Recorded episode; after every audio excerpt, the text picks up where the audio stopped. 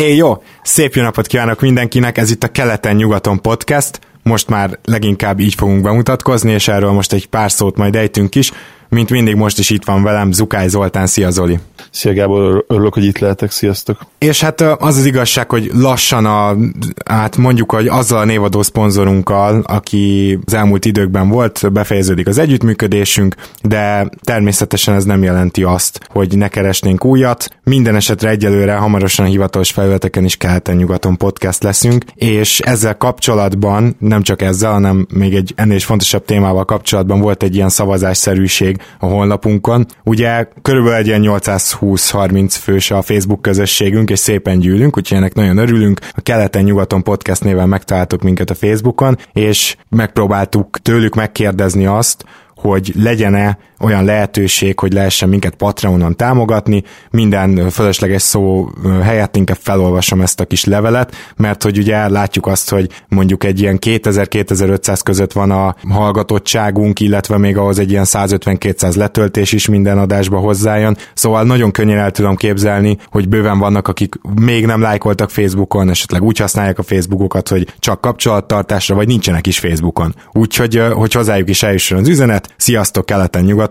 Mint hallhatjátok, egy ideje már újra keleten-nyugaton podcast néven mutatkozunk be, és ez hamarosan így lesz a hivatalos felületeken is. Ez nem jelenti azt, hogy nem lesz többé névadó szponzor, gőzerőkkel keressük az újat. Ez azért jó, mert nagyjából előteremti nekünk a podcast futtatásához szükséges összeget, viszont ha fejlődni is akarunk több tartalmat gyártani egyre jobb eszközökkel, vagy például az élő közvetítések mellett is heti két-három podcastet csinálni, amit ezt most csak én teszem hozzá, hogy sokan írtatok nekünk is kifogásoltatok, hogy nem mindenki tudja nézni az élőt, de akkor kevesebb podcast volt. Szóval visszatérve a levélhez, akkor nem függhetünk ettől. Épp ezért, illetve mert kaptunk ilyen kérdést, kérést, elgondolkodtunk egy Patreon oldal létrehozásán. Ez egy olyan oldal, ahol a vállalkozó kedvűek támogathatják kedvenc tartalomszolgáltatójukat, művészüket, stb. A minimum összeg havi egy dolcsi, de egyébként annyi, amennyit beállítasz, és bármikor leállítható. Szeretnénk egy kis igényfelmérést végezni, így kérlek titeket mindenképpen jelöljetek meg egy választ. Most szögeznénk le, hogy továbbra is ingyen elérhető lesz a podcast, ugye erről már sokat beszéltünk Zolival, hogy ez mindig így lesz. Nem kötjük semmihez, ez csak egy lehetőség a közösségnek, hogy minél függetlenebbek legyünk, mindenki eldönthetné, hogy élne el vele. Viszont azért szeretnénk majd utalnazni a patronokat, ha ez a dolog működik. Egyelőre egy negyed órás keleten-nyugaton kupon havi kisorsolására gondoltunk, hogy ez mit jelent, az egyelőre titok. És akkor itt a levélben van hat opció, hogy támogatnád a podcastünket, igen, akár 3-4 dollárral is, igen, 1-2 dollárt havonta simán rászánni, vennék, biztosan lehet, hogy többel, de még most nem tudom pontosan mennyivel,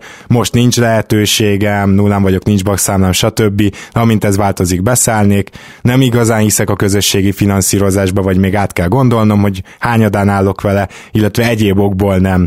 Tehát ezeket bejelöltük, és hát lehet, hogy ezt nem tökéletesen hajtottuk végre, mert ugye az ilyen nem reakciók azok nem annyira jöttek, tehát a szavazásban igazából azok szavaztak, akik azt mondták, hogy szívesen beszállnának, viszont nagyon szeretnénk megköszönni mindenkinek, aki ezt a szándéket kimutatta, mert ez most már 163 ember ebbe a pillanatban, ugye csütörtök este vesszük fel ezt az adást, és ez egészen elképesztő. És csak azoknak mondom, akik esetleg ezt nem látták, hogy nincsenek Facebookon, nem követnek ott minket, hogy ha gondoljátok, akkor bármilyen más csatornán, például keleten, nyugaton, kukac, gmail.com-on elértek minket, jelezhetitek felénk, hogy jó ötletnek tartjátok-e, vagy nem, vagy a közösségi finanszírozás jó ötlete, vagy nem, így, hogyha akartok, de az se baj, nem jeleztek, csak hogyha mondjuk van kedvetek, akkor amint beindul a Patreon oldal, éltek ezzel a lehetőséggel, vagy nincs kedvetek, és nem éltek. Természetesen ez opcionális, minden esetre csak, hogy mindenki tudja, hogy hogy ez a felhívás megtörtént, és hát szerintem Zoli együtt mondhatjuk, hogy a sok pozitív reakció, amit kaptunk, az nagyon-nagyon jól esett. Így van, igen, és szépen elmondtál mindent, nekem csak egy borzasztóan rossz szóvic jutott eszembe már itt tegnap este, és hát akkor ezt most már így mondom is. Itt az ideje. Hogy, hogy hány patront érünk meg. Tényleg, és ez hogy jó, hogy nem jutott eszembe nekem? Na mindegy. Jó, oké, hát akkor ezzel meg vagyunk, elnézést a szolgálati közleményért, de fontos volt, remélem, hogy ti is annak érzitek, és természetesen amint beindul az oldal, lesz hozzá ilyen videó, meg minden, akkor azonnal szólunk itt a podcastben is, és a keleten-nyugaton Facebook oldalon is. És hát a mai napon viszont a drafttal, közelgő drafttal foglalkozunk, egészen pontosan a legkiemelkedőbb vagy érdekesebb prospektekkel, és ehhez két segítségünk lesz. Egy, aki itt lesz egész adásban, és az ő draftboardján megyünk végig, nem nagy meglepetésre állandó draft szakértünk, Kovács Ádám, szia Ádám!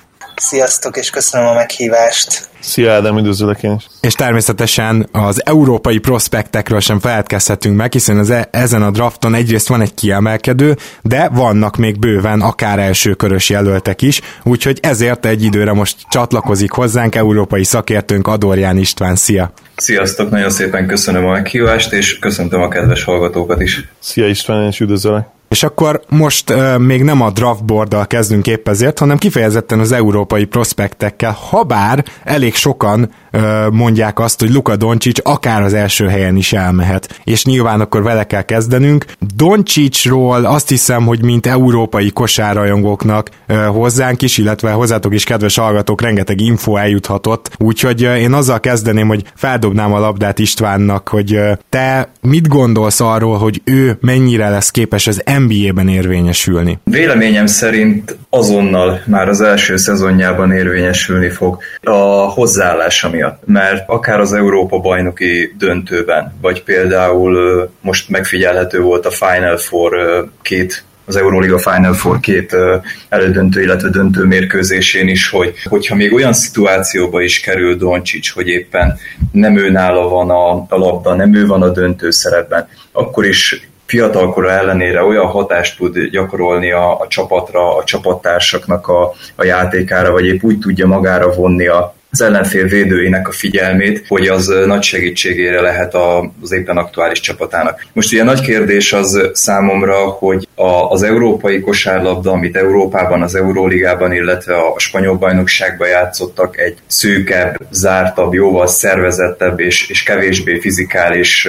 rendszer, mint ugye ami az NBA-ben működik. De szerintem főleg a védő oldalon azok a fizikai paraméterek, ami, amivel ő rendelkezik, arra predestinálják őt, hogy, hogy ott, ott hely fog állni. Szerintem támadásban pedig abszolút meg fogják találni azt a helyet, azt a helyzetet. Most szigorúan vesszük gyakorlatilag Doncsics az egyestől kis túlzással hármas posztig, mint, mint Manu Ginobili, el tud játszani bármit. Jó dobáskészsége van, pontosak a passzai, nagyon jól használja ki például akár hogyha ha kettő-kettő játékokat játszanak, hogyha befele kell támadni a gyűrű felé, vagy ha éppen visszafele kell lépni, és abból kell dobni egy középtávolit. Tehát olyan sokoldalú fiatalkora ellenére a támadó repertoárja, hogy ez abszolút egy, egy előny nem csak azért, mert európai észszel játszik, hanem azért, mert ez adhat egy szint. Mert szerintem ez tendencia is megfigyelhető, hogy egy kicsit visszább csatolok, gondoljunk vissza arra az időszakra, amikor mondjuk Dávid Cornélként szerepelt ugye az NBA-ben akkor gyakorlatilag nagyon könnyen össze lehetett számolni, hogy mennyi európai kosaras tudott kikerülni, kuriózumnak számított. És most már szerintem az európaiaknak a szerepe jóval a felértékelődött pont ezért, mert egy olyan közegből, olyan utánpótlás nevelésből érkeznek, amik jóval nagyobb és jóval mélyebb alapot adnak, akár szellemi, akár játékbeli téren, mint mondjuk az Egyesült Államokban az NCAA. Ez teljesen logikus.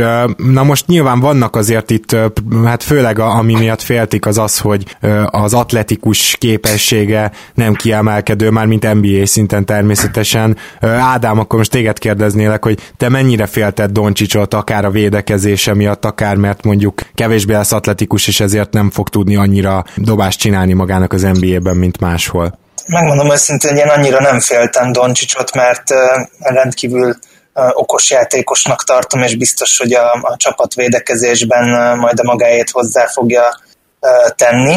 Ami nekem kérdőjel Doncsicsnál az egyrészt az ingadozó tripla dobása, másrészt, hogy még nyilván fiatal kora miatt is a shot selection is vannak problémák, illetve az lesz majd a kérdés, hogy, hogy ott kint mennyire tudják a, a testét hozzácsiszolni, úgymond a, az NBA mezőnyéhez. De én nála abszolút azt érzem egyébként, hogy ő egy bajnokcsapatnak egy tökéletes második opciója lehetne.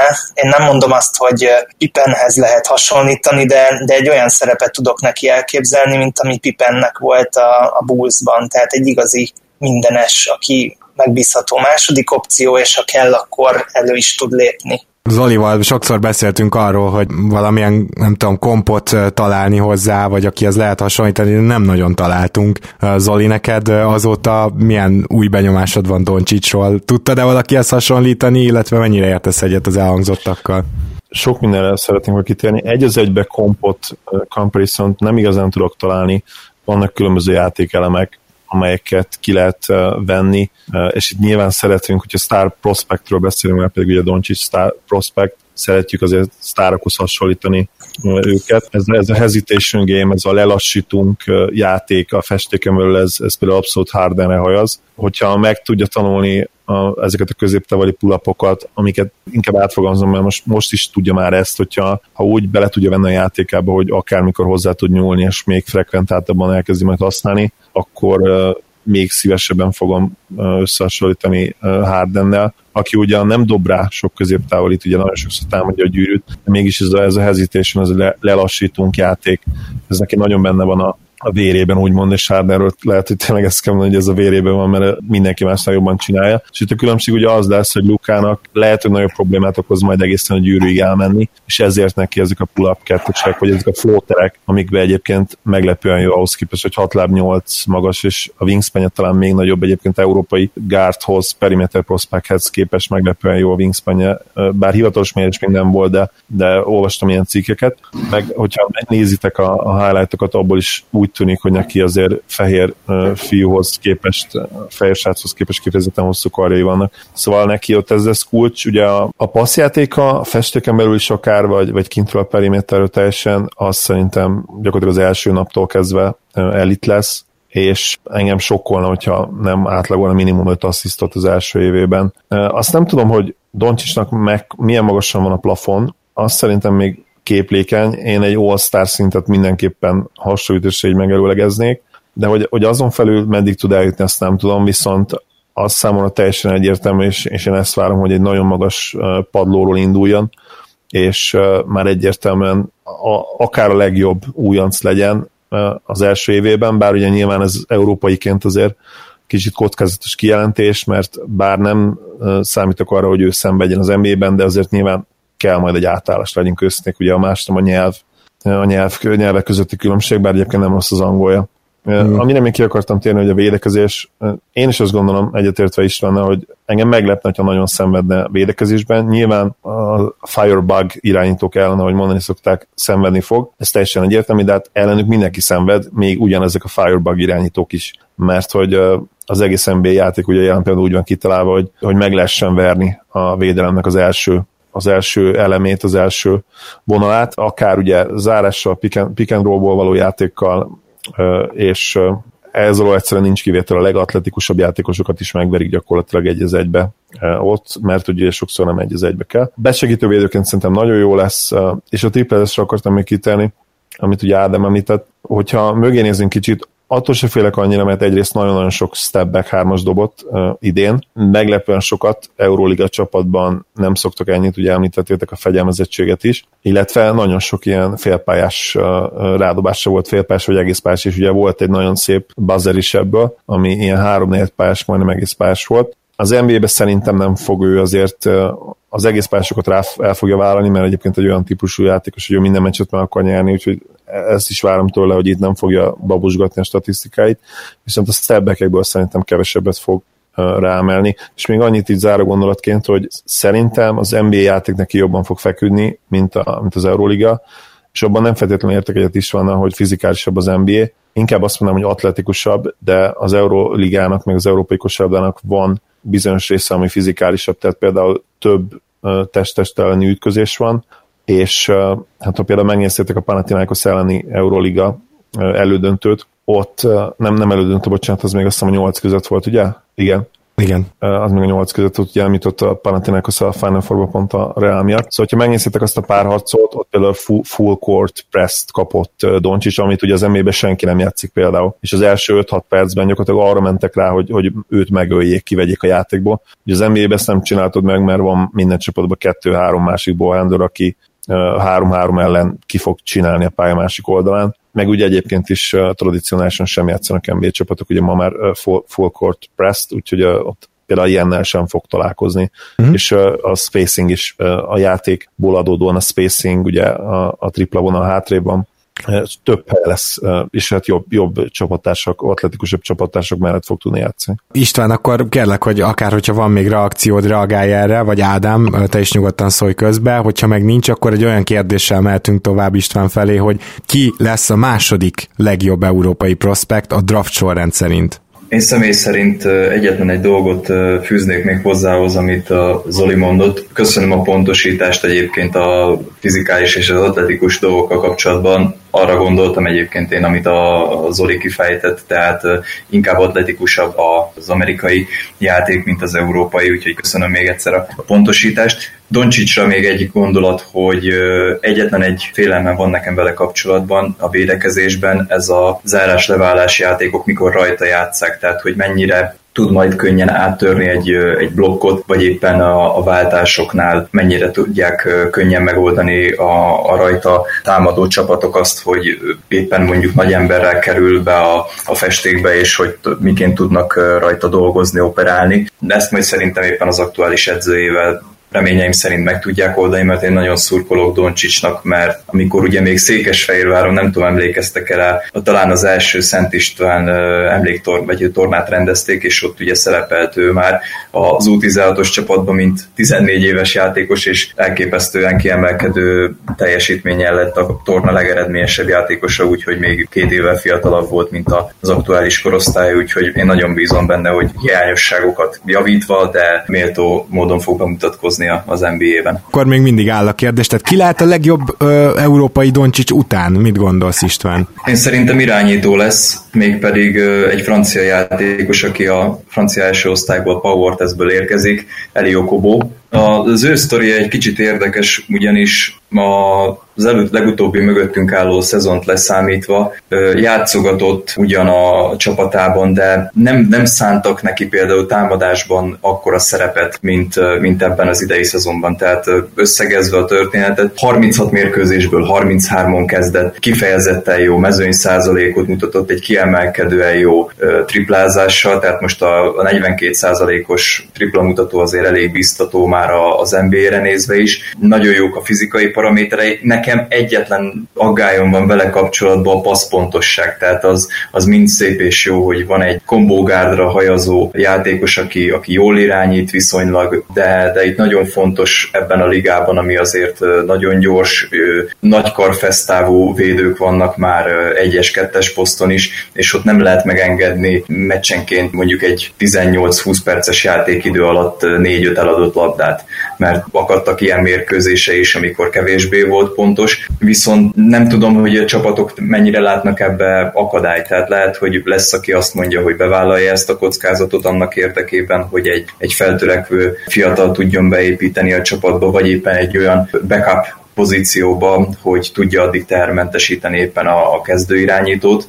Kiemelném külön azt, hogy, hogy elképesztően robbanékony, nagyon finom keze van a, a palán közeli befejezéseknél is, és, és ez azt hiszem aranyat érhet az NBA-ben, ahol nagyon sokan mennek ugye már a palán közelében a légerhálításra, a blokkokra, hogyha jó ütemkiválasztással befejezésekkel tud operálni, akkor mivel stabil büntetőző, ezért nem igazán lehet zavarba hozni, mert hogyha éppen faltolják, akkor biztos kézzel pontra fogja váltani a kiarcolt faltokat, ha meg éppen adott esetben nem tudják hatástalanítani, akkor meg ugye biztos pont van belőle. Illetve még amit hátulütőjéként fel lehetne sorolni, hogy néha egy kicsit túlzottan sokat vezeti a labdát, sokszor marad fent magasan, és ezért, hogyha éppen duplázzák a, a magas területen, ugye mikor játékot indítana, akkor hajlamos labdavesztésre, megkontrázva ezzel azt, hogy jó az első lépése, de itt is azért még ezen a téren is van még mit javítania, és nagyon sokszor játszik úgy, hogy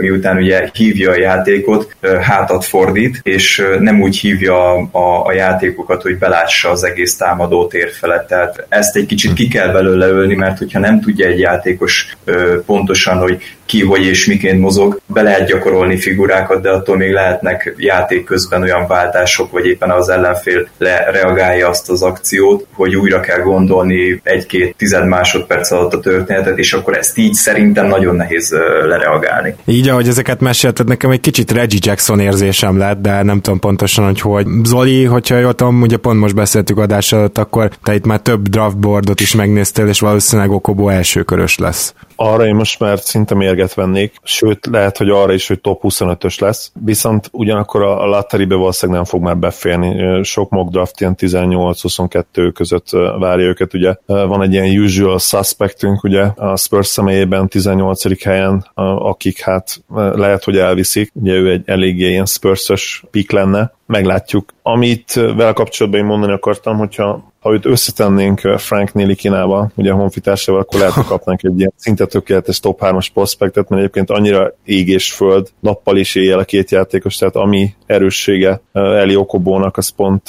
pont nem, nem annyira erősség, ugye Franknek és fordítva, de hát ugye nem lehet sajnos még a tudomány nem tartott, hogy ezt a két francia srácot összerakjuk, pedig akkor a, a Mavs szembe is akár ledraftolnám őket az ötödik helyen így jobb helyen az ugye hát marad egy ilyen laterin kívüli, de szerintem mindenképpen elsőkörös prospekt, és azt gondolom, hogy a, a, ami a legfontosabb, hogy a shooting, a scoring az, az translálódni fog nyelvtanvacs, az az NBA-be is működni fog, mert nagyon-nagyon atletikus, 6-8-as wingspan, 6-2-es magassághoz, tehát abszolút elit méret mondhatjuk az irányító poszthoz. Nyilván itt a probléma az, hogy, hogy ugye combo guard, de tehát a mai NBA-ben az, ez valószínűleg nem is probléma, és most már stabilan azért két éve elég sok kísérlettel, tavaly ugye 37%-os triplázó volt idén, 39% felett, majdnem 40%, és a büntetőzés is bőven 80% felett, úgyhogy én azt gondolom, hogy, hogy bár ő egy Malik Monk típusú játékos, de, de sokkal konzisztensebb játékot várok tőle az első évében.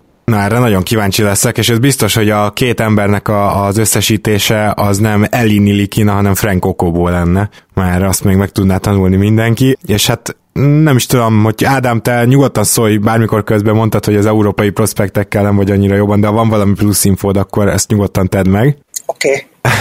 Jó, és, és hát én meg úgy vezetném tovább ezt a dolgot, hogy talán már segítsetek már kiejtésbe is, valószínűleg Zanán Musa? Tehát Zanán Musa lehet a következő, aki még az első körbe beférhet, egyetértesz ezzel István? Én őrá tippelnék, függetlenül attól, hogy nála nagyon sok olyan mentális problémát felsorakoztattak, ami, ami miatt adott esetben az is elő, előfordulhat, hogy kicsúszik az első körből, mert tök jó, hogy valaki bele tudja élni magát a játékba, tehát hogy tűzzel játszik, látod benne azt, hogy minden mérkőzésen, amikor a pályára lép, nyerni akar, lehet akár komoly hátrányban is a csapata szállhat be a padról 5 percre, vagy akár játszhat 35 percet folyamatosan ezer lánggal ég, és, és látod, hogy mindenhova oda akar érni. Ez belekergeti olyan problémákba, hogy hiába jó támadásban és, és elég sokat vállal magára, de például hajlamos arra, hogy védekezésben tompul a figyelme, és például ezeket a hátsó befutásokat, a, a labda nélküli játékokat nem tudja megfelelően lekövetni, illetve hogyha valaki nagyon széles spektrumon szeretne egy támadójátékot bemutatni, ahhoz elengedhetetlen az, hogy támadja a gyűrűt például. Őnála ez nagyon visszafogott, és, és kiszámítható a támadójáték a, a betöréseknél, mert az esetek döntő többségében a jobb keze fele támadja a gyűrűt, és ez tényleg kiszámíthatóságra adhat okot. Ahogy említettem, ingadozó a, a védekezése, van egy, van egy olyan elengedése a dobásoknál, ami szintúgy úgy lehetséges, hogy blokkolják, mert, mert az, az azért még alakítandó, viszont nagyon jó lábmunkája van. Nagyon jó a pick and roll játékokban, hátsó befutások, ahogy beengedi, mondjuk éppen védekezésben olyan jól meg tudja oldani a támadó oldalon, tehát hogyha ezt át tudná fordítani, hogy azok a tulajdonságok, amiket ő támadásban meg tud csinálni, ezt fordítva arra, hogy ezt igenis ő le tudja védekezni, mert tudja, hogy ő hogy játszik meg egy példát, akkor az ellen mit kell tennie ahhoz, hogy ne kapjon belőle a, a csapat a kosarat egy magas, jó dobó játékos. Egy kicsit én tartok attól, hogy, hogy a triplában el fog veszni, mert nem kevés kísérlete volt ebben a szezonban, igaz, volt is hozzá mérkőzése, mert közel 300 tippel kísérlete volt, de ez alig 32%-os hatékonyság, ami tényleg aggodalomra adhatok ott. Az viszont a pozitív oldal, hogy sokat látott, sokat tanult fiatalkor ellenére már Európában, de ő a Cedevitában nevelkedett, uh-huh. végig ott játszott, tehát ő megtapasztalta a saját bajnokságnak a, a légkörét, játszott ugye a Eurocupban, játszott Euróligában is még két szezonnal ezelőtt, tehát bármennyire is fiatal, azért ő már megjárt egy-két komolyabb európai csarnokot, meg csapatot. Ha az első körben el kell, szerintem ő neki az adhat egy olyan mentális pluszt, és biztos, hogy nagyon sokat fognak vele foglalkozni, fogják felkészíteni arra, hogy mi is vár rá az NBA-ben. Ha ezt a, ezeket a lelki tényezőket sikerül nála stabilizálni, akkor lehet egy nagyon hatékony játékos. Tehát én, én például, amikor ugye különböző összehasonlító oldalak ilyen klónokkal jellemzik, akkor én, én ez a Radney Hood típusú játékos, viszont én egy, egy kicsit jobbnak gondolom őt az előzetes dolgok alapján, mint amilyen Hood lett, vagy még lehet.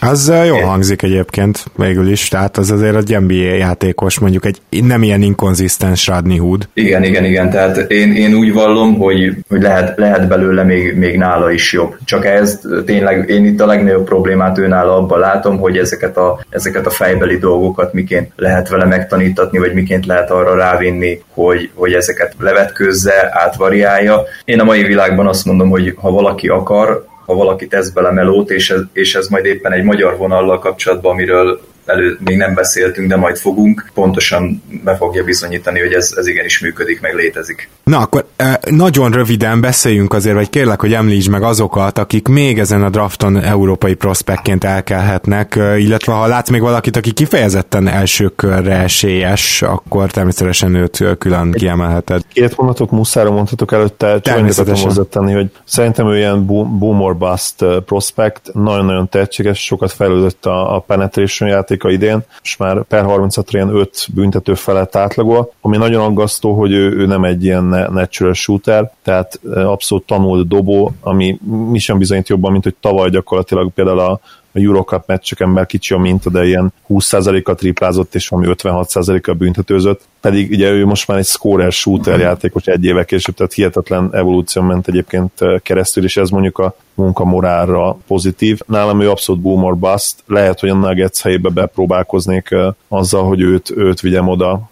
Segítsetek, nem teszem a srácom, mindig elfelejtem a nevét, kinek a helyére, aki a fő scorer volt. Barton, igen, tehát Barton helyett lehet, hogy megpróbálnám én itt ugye nem hosszabbítanám. Uh, igen, egyébként ez nagyon érdekes kérdés lesz majd a Denver nyarával kapcsolatban, úgyhogy jó, jó, hogy erre is így már rátapintottunk, és, és az ötlet is szerintem teljesen logikusnak hangzik. Jó, akkor visszaadnám neked a szót István, és kérlek, hogyha van még olyan, akit szerinted elkelhet itt max a második körben, akkor őket azért említsük meg itt a podcastben. Tényleg csak felsorolás szintjén, mert, mert egy kicsi időt még szeretnék kérni erre a magyar vonalra. Bezony.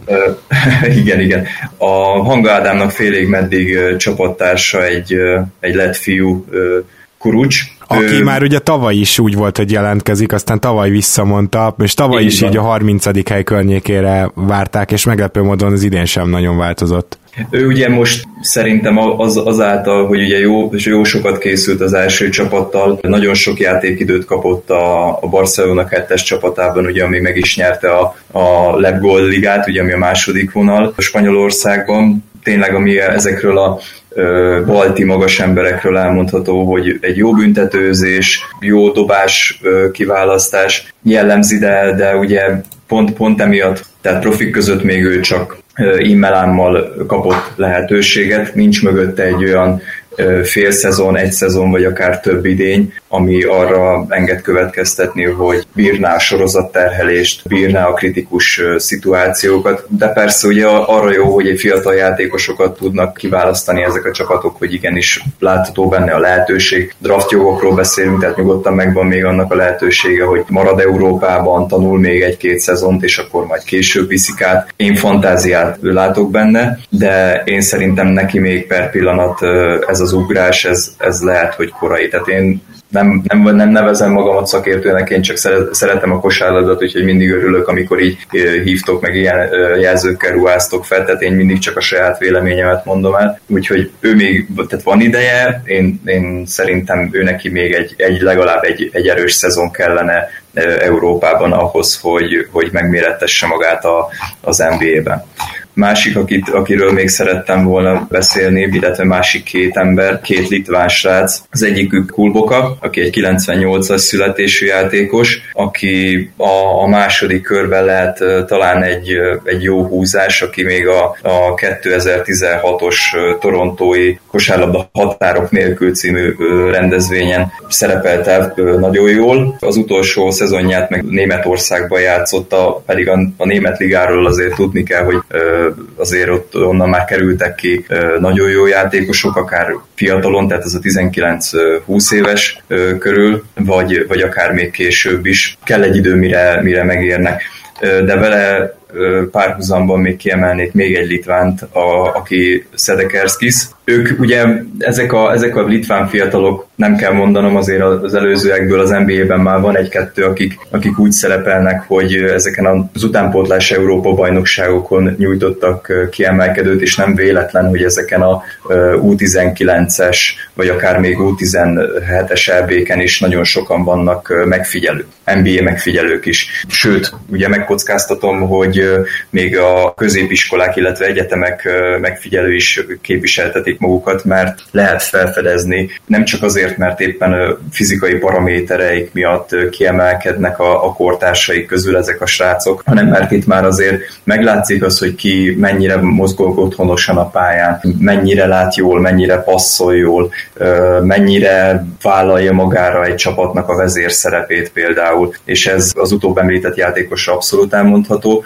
A magassága, a wingspanje az, az abszolút predestinálja arra, hogy, hogy NBA játékos legyen. En, ennél a két litván srácnál érzem még azt, hogy adott esetben kiválasztatják őket a, akár a ilyen meglepetés húzásként az első körnek a végén, vagy, vagy adott esetben a második körben, de még én nekem a centerek a ilyen kedvenceim ezeken a, ezeken a draftokon, mert ők, ők, ők velük szoktak olyan hatalmasakat robbantani, hogy elbújtatják őket egy-két idényre, vagy éppen már az első szezonukban tudnak valami nagyot húzni. Nincs ilyen gyakran, de azért amikor előfordul, én akkor mindig jót mosolygok, hogy érdemes volt megint valakit figyelni, vagy valakinek a highlightjait nézni.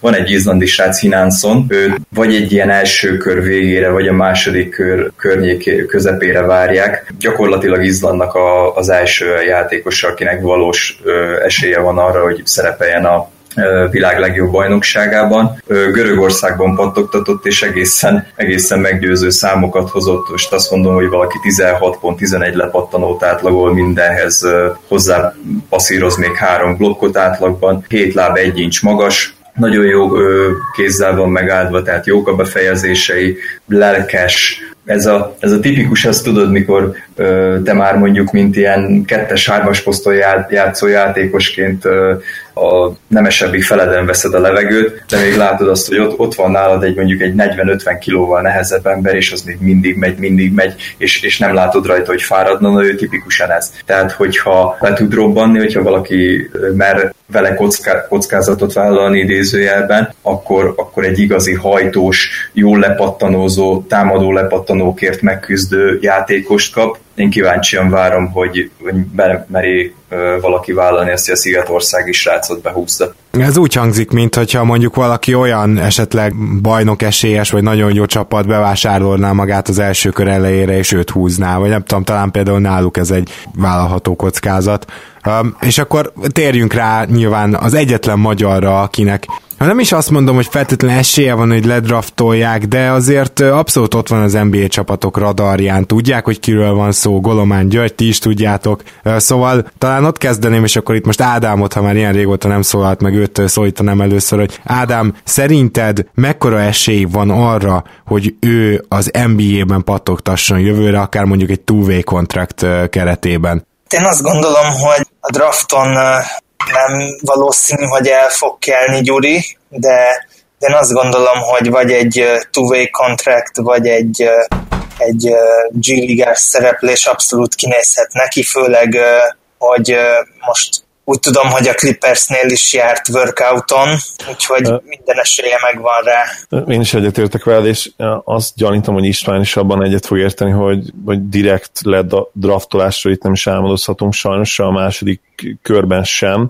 Ennek ellenére Gyuri azt gondolom, hogy pontosan az a, az a játékos, olyan típusú játékos, akinek a mai NBA-ben lehet helye, és az, hogy egyértelműen fejlődni tudott a négy éve alatt, ugye a UCLA-ben, az is szerintem azt segítheti, hogy, hogy a nem tradicionális úton, tehát a nyári ligán keresztül akár bejusson az NBA-be, és tényleg kapjon egy, egy ilyen two szerződést. Én nagyon bízom abban, hogy, hogy ez összejöhet neki, és, és azt gondolom, hogy, hogy reális esélye van rá most ugye hány százalék az abba felesleges belemenni, meg, meg miért is mennénk bele, de, de az teljesen egyértelmű, hogy, hogy Gyuri fejlődött. Ha nem is ugye graduálisan, mi évről évre, de legalábbis a, a, a harmadik évé, éve után a negyedikre, ugye a, a végzős évére teljesen egyértelműen, ugye itt kapta meg a legnagyobb szerepet gyakorlatilag már bőven meccsenként 20 perc felett játszva, nagyon sok mérkőzésen kezdett is, úgyhogy egyértelmű, hogy, hogy, hogy fejlődött, hiszen, hiszen egy olyan patinás egyetemi csapat, mint a UCL különben nem is kerülhetett volna be a kezdőbe, és nem kaphatott volna ennyire komoly szerepet. Nem tudom, hogy, hogy mennyire lehet belőle komoly triplázó az NBA-ben, ugye neki voltak a problémái inkonzisztenciával, ami a tripláját és, és a, akár még a büntetődobását is illeti, ugye mostanában, sőt azt hiszem te mondtad Ádám, hogy, hogy hozol majd egy olyan, vagy lehet, hogy Isten te mondtad, hogy a, az európai prospekteknek mostanában számolnak a, a büntetődobásból, a triplából és talán a kettesekből is egy bizonyos átlagot, és a, az egy ilyen fokmérője annak, hogy mennyire transzlálódhat a triplájuk az NBA-be akár, vagy a dobásuk. Úgyhogy a Gyurinál sajnos ebből szempontból voltak problémák, ugye 60, 70% alatt volt végig, ami a büntetőzést illeti, most az utolsó évben 62%, viszont a triplát jól dobta, igaz, hogy csak 1,3 kísérlette meccsenként, de 42%, sőt 43%-kal, ami azért elég pozitív, és, és emiatt bízom abban, hogy, hogy lehet esélye kitűnni a, a nyári ligából. Igen, ez abszolút így van, és én még annyit szeretnék hozzátenni, hogy azért az mindenképpen nagy erőssége Gyurinak, hogy a switchek után a kisemberrel annyira ott tud maradni, hogy többször blokkolta is a kisembernek a tempó dobását, vagy tripla dobását, és az ő meccseiket sokszor közvetítette az ESPN, és Bill Walton nagyon sokszor kiemelte, hogy ez Gyurinak mennyire nagy erőssége. Úgyhogy akit egy ilyen kaliberű center, mint Bill Walton méltat, én azt, azt gondolom, hogy az előtt abszolút le a kalappal. Ádám el is lőtte az egyik puskaporomat, mert ez lett volna az egyik dolog, amit meg szerettem volna említeni Gyuri kapcsán, ugye, hogy voltam milyen jó véleménnyel van róla, mert ez gyakorlatilag elmondható már a, már a kezdeti idők óta. Nem tudom, azt tudtátok-e, hogy ugye mikor a UCLA őt kiválasztotta, ugye Bryce Alford mester bocsánat, rosszat mondok, mert Bryce Alford a fia, tehát Alford mester, amikor őt kiválasztotta, akkor valójában nem is őt akarta a Sagemont középiskolában megfigyelni, hanem Prince Elit. Csak kitűnt Gyuri azzal. Olford már a, középiskolás utolsó évében mondta azt, hogy, hogy nagyon magas kosárlabdai IQ-val rendelkezik, szint úgy az, hogy magas ember létére nagyon jól passzol, hogy megtalálja mindig azt, hogy, hogy ő neki mikor kell dobni. Például már nem igazán lehet őt zavarba hozni ezekkel a dobócselekkel, tehát amit Zoli meg Ádám is említettek, ha betörés van, és mondjuk nem viszi végig a kisember, hanem megpróbál egy visszalépésből, vagy egy gyors megállásból kosarat szerezni, Gyuri blokkjainak a döntő többsége ebből volt, de az is előfordult, hogy ez a klasszikus utolérős és messziről betakarós történetet játszottak. Én egy kicsit még visszább lépnék, tehát én nekem azért nagyon szívügyem Gyurinak a, a szereplése, illetve karrierje, mert én már az utánpótlás kora óta, tehát mikor még akár az U16-os Európa-bajnokságon szerepelt a B-divízióban a, a magyar csapattal, vagy amikor még első egyik élményem, mikor, mikor felnőttként pályára lépett a körmend színeiben, tehát az, az annak, annak éppen az egyik paksi idegelégiós Williams volt a, a kárvallottja, mert ő is egy éppen egy ilyen udolérős blokkot kapott tőle, hogy Gyuri egy elképesztően intelligens srác, és ez nem csak kosárlabdára érvényes, hanem a, hanem a privát életre is, tehát ő, ő mindig nagyon helyén kezelte azt, hogy ő hol van. Sosem felejtette el, hogy honnan indult, és milyen úton jutott el addig, ahol most van. Nagyon korán fiatalon elvesztette az édesapját, aki szintúgy kosárlabdázó volt, és a körmendi csapatban szerepelt, és szerintem Gyuri előtte is tiszteleg azzal, hogy egy megalkuvást nem tűrő hozzáállással végzi a karrierjét, mikor sérült volt, akkor is azon volt, hogy minél előbb visszatérhessen. Nagyon sok külön munkát végez, hatalmas figyelmet fordított már a kikerülése előtt arra, hogy, hogy minél jobb legyen az angolja, hogy könnyen megértesse magát az edzőkkel, csapattársakkal. Egy hihetetlenül szerény srác, aki hatalmas jövő előtt áll, mert olyan szorgalma van, ami, ami példaértékű szerintem a kortársai és az őt követő fiatalok számára. Elég az hozzá, hogy, hogy nagyon gyorsan fejlődött sokat fizikailag. Tehát nagy, már a középiskolai végzős évében sok izmot pakoltak rá, és a, a UCLA-ben pedig ez évről évre változott, tehát most már nagyon, nagyon jól néz ki, nagyon rendben vannak a, a fizikális dolgai, egy kicsit a gyorsaságán még lehetne javítani. Egyébként a srácok nagyon jól felvezették, nagyon, nagyon jól elmondták azt, hogy melyek azok a játékelemek, amikben jó, melyik azok, a, amikben kevésbé jó, tehát például a tripla dobása, ő, ő rá direkte figurákat hegyeztek ki. Nagyon sokat játszott például olyan helyzetekben, amikor Alford zavarba próbálta hozni az ellenfelet azzal, hogy Jurit betette hármas posztra. Mert pont ezzel, hogy a, a kis embereknek a, a dobását, illetve a betöréseit úgy meg tudta zavarni a magasságával és a hosszú karjaival, hogy sokszor hozta tényleg kellemetlen helyzetbe a, a, az ellenfeleket. Az, abban teljes mértékben egyetértek a, a két előttem szólóval, hogy az csak legmerészebb álmaink lehet, hogy valaki kiválasztja majd adott esetben a második körben, de éppen Gyuri fogalmazott meg egy olyat az egyik blogjában, amit a, a kezdőtre írt még korábban, hogy nem a, nem a cél a lényeg, hanem az út. Uh-huh. Tehát, hogy mondja csak. De hát csak azt akarom mondani, hogy teljesen most, most került még két polccal följebb Bugalomán Gyuri a szívembe, és most dukkolok még jobban, hogy bejusson, és arra így, gondoltam, nem, hogy... Nem, igen. Igen. És most is csak gyorsan hozzá akartam tenni, hogyha valaki, akkor ugye Bill Walton tudja, hogy, hogy miről beszél, ha védekezésről van szó, mert sokan talán nem tudják, de Walton egyébként bár egy nagyon rövid pikkel rendelkezett, de minden idők egyik legjobban védekező magas embere volt, és sokan vannak azon a véleménye, hogyha tovább egészséges, mondjuk lett volna egy 8-10 éves pík időszaka, prime időszaka, akkor, akkor ott emlegetnénk David Robinson, Olajuwon mellett, mint legjobban védekező centerek, ami hát ugye elképesztő, mert ugye ő azért egy fehér játékos volt, és hihetetlen játék intelligenciával, és ha ő kiszúrta Gyurinak a lábunkát, akkor az nyilvánvalóan okkal történt. Bizony, és arra gondoltam, hogy lezárásképpen most mind a négyen mondjunk egy jóslatot, aztán reméljük, hogy bejön vagy nem jön be, de, de próbáljuk meg megjósolni, hogy mi hogy alakul a következő éve Golomán Gyurinak, akkor én ezt elkezdem. Szerintem nem választják ki, de lesz egy Summer League meghívója, és én bevállalom azt a tippet, hogy lesz utána egy two-way szerződése valamelyik csapattal. Zoli? Hát ezek után mi más tippelhetnénk, mint, mint ugyanezt, mert uh, én is teljes szívemből kívánom ezt és, és tényleg nagyon remény, reménykedem abban, hogy, hogy valaki ezt a két dolgot kiszúrja, ezt az elképesztő lábmunkát, és, és azt, hogy benne ott lehet az, hogy stabilan ilyen 38-39%-a triplázon az NBA-ben, és akkor tulajdonképpen lenne egy free and D magasod, ami most még nincs elterjedve, de simán elképzelhető, hogy, hogy a jövőben egyre több példát látunk majd erre is, úgyhogy én nagyon bízom benne, hogy ez fog történni. Ádám? Én innen üzennék Bill Waltonnak, hogy beszéljen a fiával, és nagyon remélem, hogy a, a Lakers százatáján láthatjuk majd jövőre Gyurit, ha máshogy nem, akkor a G-ligás csapatban, és még annyit szeretnék ehhez hozzáfűzni, hogy én a UCL és időszaka óta követem az ő játékát, de örülök neki, hogy István is meg tudott erősíteni abban a hitemben, hogy ő az a játékos, akit ha, ha néztem bármelyik meccsét, akkor a képernyőről is átjött, hogy mennyire szimpatikus, intelligens játékos, úgyhogy eszméletlenül drukkolok neki. És István, neked mi lenne a jóslatod jövő évre? Hát én csatlakozom hozzátok, tehát én, én úgy gondolom, gondolom, hogy a, a Summer League az biztos, hogy meg lesz. Én ezt még egy úgy pontosítanám, egy olyannal fejelném meg, hogy szerintem a spanyol első osztályban fog kapni egy, egy szezont Gyuri, tehát ott fog majd játszani. Aztán én mindig ilyen örök optimista vagyok, tehát aki, aki körment szurkoló, az még a, mert nem titkoltan én az vagyok, az még a legnagyobb poklokból is mindig megpróbálja a pozitivizmust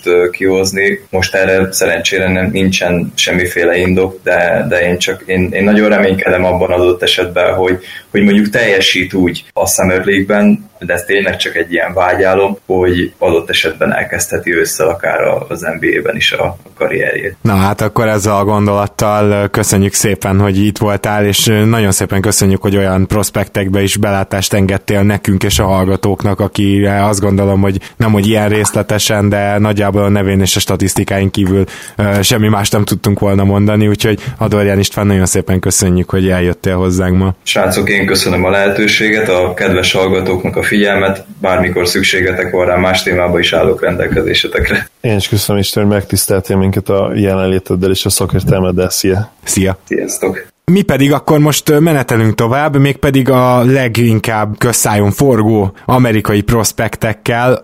Persze meg fogjuk említeni, hogy Doncsics hanyadik a bordodon Ádám, de akkor halljuk ezt a bizonyos sorrendet, és szerintem nyugodtan kezdjük az elejéről, mert hogyha jól tudom, akkor nem Doncsics az, akit te első helyen választanál most a Suns helyében, vagy legalábbis a saját helyedben. Így van, annyit szeretnék csak módosítani azon, amit a podcast elején elmondtál, hogy nem csináltam teljes bordot, hanem az első tíz játékost rangsoroltam, és utána pedig olyan prospekteket szeretnék megemlíteni, akikhez van egy-két érdekesség, vagy vagy különleges képességeik vannak. Tehát én a Suns helyében, és a saját bordomon is ő az első, nem nagy meglepetésre DeAndre Ayton-t választanám, aki nagyon jó fizikai méretekkel rendelkezik, 216 centi magas, 113 kg, a wingspanje is elég hosszú, 227 centi, és abszolút hatalmas potenciál rejlik benne, mind támadásban, mind védekezésben. Ráadásul még a, a külső tempó dobása is abszolút rendben van, és hogyha megnézitek a, az ő highlight videóit, akkor az is kitűnik, hogy eszméletlen erős, tehát szákás fizikummal rendelkezik. Minden megvan benne, ami egy modern centerhez kell. Ami negatívumot el tudnék róla mondani, az az, hogy eddig nem nagyon találkozott olyan játékossal, aki hasonló képességekkel rendelkezett volna, mint ő, ezért sokszor védekezésben motiválatlannak és, és egyenesen lustának is tűnhetett, illetve kérdőjeles az vele kapcsolatban, hogy megvan-e benne az a, az alfa tulajdonság, hogy, hogy előlépjen egy, egy franchise centerre. Zoli, te Úgy kiválasztanád őt egyébként első helyen? Nem, nem, mégpedig azért nem, mert, és itt meg akartam kérdezni Ádámot, hogy szerinte ez a, ez a motivátlanság nem nem biztos, hogy, hogy kosárlabda IQ hiánya, vagy inkább ugye alacsony szintje, amiről beszélni kell, mert én, én a, hozzáteszem, hogy nem láttam nagyon sok teljes meccsét, egy olyan három-négyet a szezonból, viszont elég sok összefoglalót megnéztem, és elég sok szakértő véleményt olvastam róla. Ott azért elég sokszor felvetették ezt, hogy nála a védekezés beli problémák nem feltétlenül csak és kizárólag az effort, a, a, motivál, a motiváltság hiányával kapcsolatok össze, hanem, hanem nála kosárlabda IQ problémák is lehetnek. Nem tudom, én, én nem miatt óckodnék attól, hogy az első helyen kiválasztom. Ha, ha ez a szegmens is meg lenne a játékának, akkor valószínűleg nem haboznék még a mai érában sem, ahol pedig azért a, a centereknek, a, vagy legalábbis az ilyen, tip, ilyen típusú centereknek a, a fontossága azért kezd, hogy is mondjam, kicsit elhalványodni. Sőt, hát itt hagyd tegyem hozzá, én kifejezetten ezért félnék annak a csapatnak a helyében, aki Ejtont kiválassza,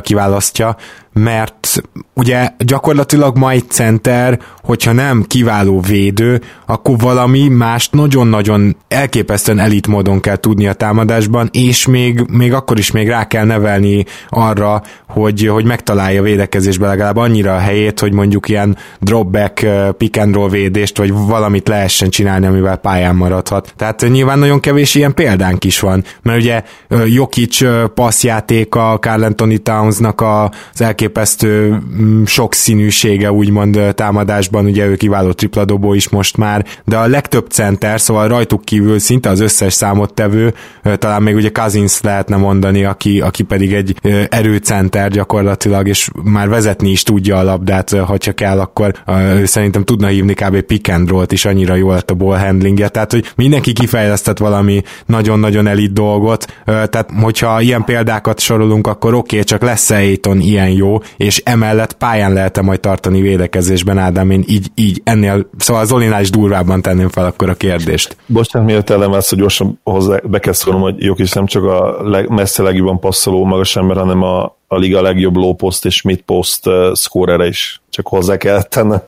Ezt tudjuk, hogy muszáj volt Zoli, úgyhogy megbocsátjuk neked. Tény, tényeket soroltam fel, bocsát, és tőled is elnézést kérek, Ádám. Tehát, hogy az eredeti kérdésre visszatérjek, az nálam nem is kérdés, hogy Aiton támadásban abszolút szupersztár lesz, és dominálni fog amit még nagyon fontos vele kapcsolatban kiemelni, hogy, hogy az egyetemen őt nem is ötösként, hanem négyesként használták, úgyhogy nagyon kevés helye volt a, a palánk alatt, viszont a center mozdulatai azok abszolút megvannak, illetve tényleg egy, egy pick and pop után szerintem a hármasokat is jól fogja tudni haigálni, főleg, hogyha mondjuk Buker adja azokat a passzokat, tényleg kérdés a, a védekezése, de én sokszor azt láttam, amikor egész meccsét végignéztem, hogy, eh, hogy egyszerűen olyan eh, gyenge gárd csapattársai voltak, akik nagyon sokszor elfelejtették, hogy ő ott van a pályán, és csak rohangált le föl, anélkül, hogy egy paszt is bejátszottak volna neki, és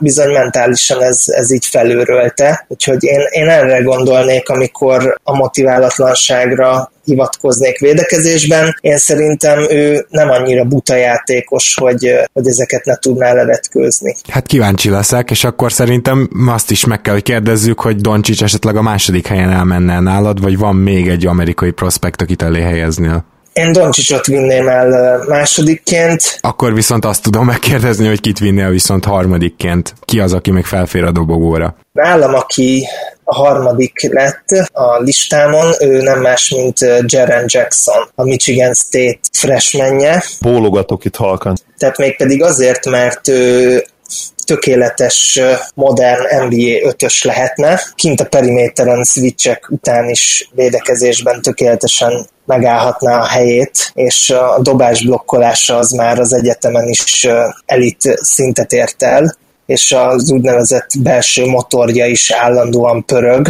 40%-kal triplázott, és nem úgy, hogy, hogy egy kísérlete volt meccsenként, hanem hogyha jól emlékszem, akkor, akkor három fölött volt, vagy három közelében azért, amiből már ki lehet indulni, viszont azért nála hozzá kell tenni azt, hogy, hogy ő nem egy instant impact játékos lesz, hanem neki kell adni időt. Ez elsősorban azért van, mert nagyon vékony, mert ugye ez az, amit így felszoktak hozni, de mondjuk egy ilyen 3D magas szerepkörre nem lehet egyből betenni négyes posztra? Igazából én is azt gondoltam, hogy ő nagyon vékony, aztán amikor tegnap kigyűjtöttem az adatokat, akkor jöttem rá, hogy amíg ő 211 centi, 107 kiló, addig például Mo Bamba, ő 216 centi és 102 kiló.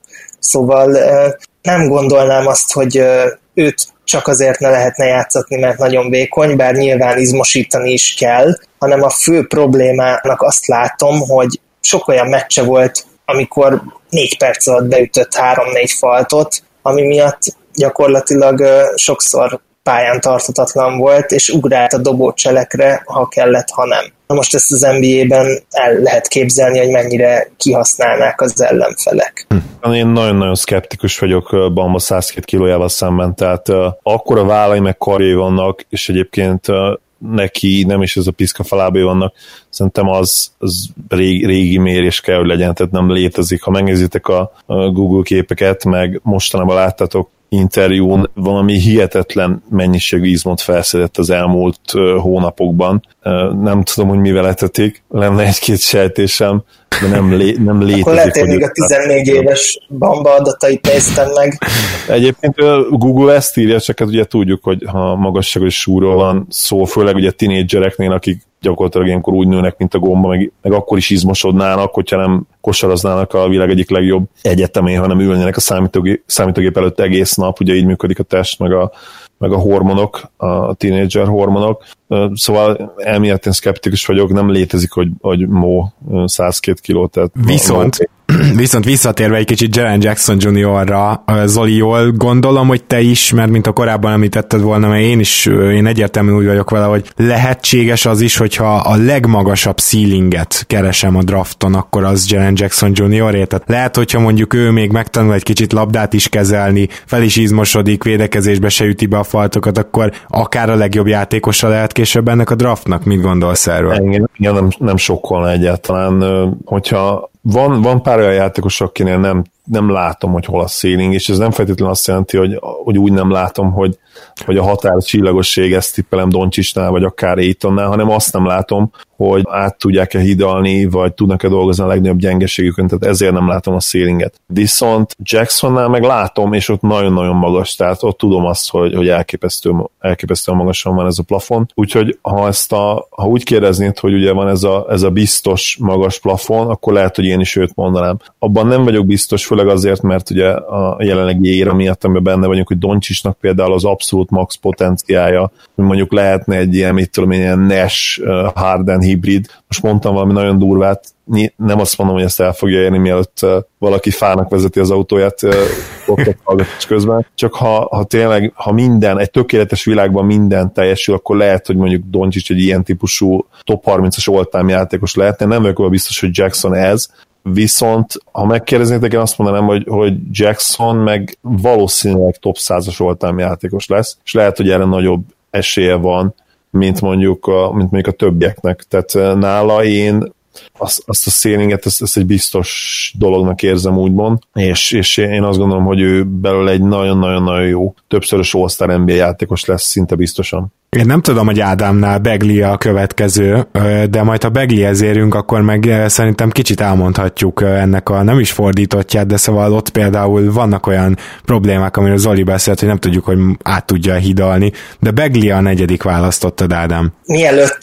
válaszolnék, hogy ki a negyedik választottam, azt szeretném még Jacksonhoz elmondani, hogy már egyre kevésbé lepne meg az is, hogy akár ő lesz az első szám kiválasztott, mert érkeztek olyan hírek, hogy volt a Sunsnál workouton, és hogy nagyon jól sikerült Ja, igen, igen. Hát ott konkrétan olyan szavak hangzottak el, hogy blown out, tehát hogy, hogy teljesen elszálltak attól, amit láttak. Igen, akartam is mondani, hogy engem se sokkal egyébként, és abszolút egyetértek Ádámmal, hogy simán, ugye ezen a drafton főleg a, ugye van 5-6 inkább öt e, egészen hihetetlen prospekt. E, nyilván az nagyon meglepne, hogyha Bamba lenne az egy per egy, de meg mondjuk most már Begli is egyébként nagyon sokáig úgy nézett ki, hogy ő lehet akár az egyértelmű első e, pick is, ugye az a hajó már valószínűleg el, el, elúszott, de nem lepte meg, hogyha az első háromból ugye Bagley, Aiton vagy Doncsics bármelyik neve felbukkan az első piknél. Folytatnám is a sort. Nálam a negyedik, Mo Bamba, ugye, hmm. akiről már beszéltünk. És hogyha belegondolunk, akkor pont a Grizzlies miatt egyszerűen nagyon kicsi az esély arra, hogy a negyedik helyen a Grizzlies kihúzza. Persze lehet, hogy lejjebb cserél a Grizzlies ilyenkor, csak önmagában azt mondom, hogy ezért furcsa Bamba a negyedik helyen, de egyébként lehet, hogy potenciálban valóban ő következik. Igen, én ezt a listát nem úgy állítottam össze, hogy az NBA csapatoknak kit lenne érdemes választani. Persze, világos, világos, abszolút, abszolút. Csak megjegyeztem, mint, mint hogy az én fejembe ezért nem kapcsolódik a negyedik helyhez, de egyébként teljesen szíved joga, hogy öt a negyedik legjobbnak, sőt, ahogy Zoli mondta, már olyan hírek is érkeznek, hogy még feljebb mehet. Szerinted mi lehet az, ami miatt az NBA-ben annyira értékes, hogy top 4-es pick minimum? Hát elég megjegyezni a 239 centis karfesztávját, 216 centis magasságához képest is, is óriási ez a karfesztáv, tehát így nem tudom körülbelül, hogyha Janisszal egy csapatba játszana, akkor már tényleg azt hihetnénk, hogy a, a Space Jam-et látjuk. Bocsánat, nem 2.16-ot mondtam, azt hiszem, hogy ő 6.11, nem? Vagy 7 láb, egy már a, a hivatalos. Mert én pont azt, tehát az egyik oka annak, amire ennyire különleges ez a Wingspan, ugye, hogy, hogy egy nagyon mobilis játékoshoz társulnak, és, és én nála magasságot 6-11-nek láttam nagyon sok helyen, de mindjárt Na, akkor én most rákerestem, úgyhogy meg is nézném a tavalyi, tavaly a Draft Express azt írta róla, hoppá, ez lehet, hogy nem is tavalyi, hanem már idei, hogy 213 centi, miközben a Wikipédiáján pedig 216 centi magasság van, ez 7-0 vagy 7-1, tehát valahogy a kettő között. Igen, egyébként most, most hogy mondjátok, a, az interjúban, amit láttam tőle, nem olyan régen, ott nagyon-nagyon magasnak tűnt, úgyhogy elképzelhető, igen, hogy ahogy mondtam az előbb, ilyenkor szinte folyamatosan még növésben vannak a játékosok, és sokszor a, ugye a college szezon vége és a draft között is nőnek akár két centit is. Na jó, jó, de ugye nagyon magas játékos, hatalmas wingspan, eszünkbe is jut Rudy Gobert, hiszen pont e, valószínűleg emiatt is, de védekezésben tudott érvényesülni az egyetemen is. De lehet-e olyan védő, mint Gober, vagy legalább hasonló, mert azért ott már hatalmas, hát szerintem megjelentetjük, hogy nagy IQ is kell, nagy kosár IQ. Gober ugye nem csak nagy kartávolsággal rendelkezik, hanem nagyon jól is helyezkedik, nagyon jó a lábmunkája ahhoz képest, hogy azért annyira nem mobilis, nyilván ilyen pácika embereknél azért elég ritka az, hogy valaki nagyon fordulékony legyen például. Szóval... Tabit, ne, bocsánat, aki eszembe jut, az egy jó lényegesen mozgékonyabb, úgyhogy akartam kérdezni, hogy, hogy esetleg a, a Grizzliesnél felmerülhet ez, hogy paráznak, amiért ugye, hogy most már lassan, majdnem tíz éves emlék, de azért nagyon-nagyon rossz emlék, ugye Tabit, hogy, hogy esetleg emiatt ne, de azért Mo minimum egy két-három kategóriával komolyabb atléta, tehát erősebb, sokkal, sokkal, sokkal, sokkal mozgékonyabb, robbanékonyabb.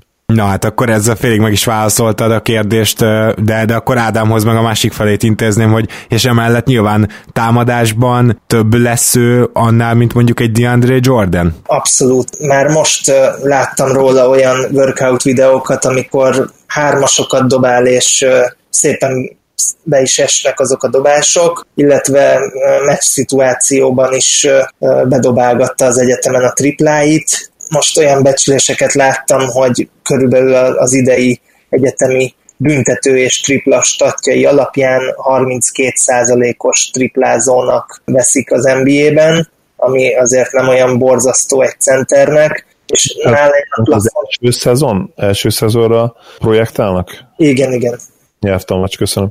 Ah, igen, de nem, ezt szerintem simán mondjuk magyarul, hogy projektál, viszont ha már a projekciónál tartunk, akkor ha esetleg van benne ilyen szempontból is fejlődési potenciál, akkor most hirtelen elképzeltem egy harmadik szezonjára már mondjuk 36%-kal három kísérletből triplázó centert, aki védekezésben egyszerűen mindenkit elzavar a gyűrű alól. Hát nyilván, ami még az egyetlen dolog, ami lehetséges probléma, az a switchek védekezése, tehát amikor kisebb embert kell védenie a periméter kilométeren, hogyha még az is meg lenne neki, akkor ez a prototípikus center, akkor onnantól én azt mondanám, hogy első helyen kellene elvinni. Lehetséges, hogy ez az, ami nem lesz meg, Ádám, hogy, hogy azért a kisebb emberekkel szemben nem biztos, hogy ott tud majd maradni. Hát ez elképzelhető, de ha azt vesszük, akkor Gober sem mindig tudott maradni, viszont a játék többi, vagy hát a védekezés többi elemében meg annyira pluszos, az egész impact, hogy emi, emiatt megéri a pályán tartani, és én azt gondolom, hogy, hogy Móbambánál is ez lesz a helyzet a switchekkel együtt kell élni. Van, amikor ott tud majd maradni, van, amikor meg nem, de ezt a rizikót szerintem be kell vállalni. Hát én csak egyetérteni tudok, gondolom Zoli, te is. Abszolút, abszolút, és szerintem ő tényleg mozgékony, tehát meg lehet, hogy amiért vagyok elfogott, hogy hallottam mostában nagyon sok interjúját, és kifejezetten intelligens gyerek, tehát én, én nagyon örülnék annak, hogyha ő lenne Mavs kiválasztottja, nyilván van még egy játékos, vagy inkább akkor kettő, mondjuk ugye Jackson és Luka Doncsics személyében, akinek még jobban örülnék, de, de hogyha, hogyha Mo jutna nekünk, a, akkor is szinte felőtlenül boldog lennék én a magam részéről. Ádámot akkor kérdezzük meg, hogy szerinted az ötödik helyen választó Dallas Mavericksnek ki jutna, hogyha a te sorrendedet alkalmaznák az NBA GM-ek? Hát nálam az ötödik helyen Marvin Bagley van, de a Dallas helyében abszolút nem választanám őt, sőt most már nem tudom, tehát egyre inkább szkeptikusabb vagyok Bagley-vel szemben, pedig amikor ő a gyúkra került, előtte megnéztem a középiskolás highlight videóját, és így teljesen szerelmes lettem a játékába, illetve még a, a gyúkon is kedveltem, de egyre inkább úgy tűnik nekem, hogy az ő erősségei és erényei azok nem lesznek könnyen átültethetőek az NBA-be. És, ah, bocs, itt egy, és szeretném is, hogy válaszolj, négy Duncanék, amikor az ő ilyen egyórás scouting riportját csinálták gyakorlatilag, ugye ilyen külön adásokkal jelentkeznek most, akkor egy olyan mondat elhangzott, hogy a max potenciája az támadásban, és csak ott természetesen egy Anthony Davis lehet. Most tényleg anélkül, hogy a védekezését, amiért ilyen szerintem egy személyben aggódik az egész liga, meg mindenki, meg főleg az a csapat, amelyik ki fogja majd húzni, és védekezését levéve szerinted mekkora túlzás ez, vagy tényleg a támadásban mindenki jön, akkor lehet egy Anthony Davis? Hát szerintem nem, hogyha röviden szeretném megválaszolni a kérdést. Ugye az atletikusság, atletikusság az nagyjából ott van, bár kicsit alacsonyabb. Nem tudom, hogy például van-e olyan keze, vagy olyan labdavezetése. Nincsen.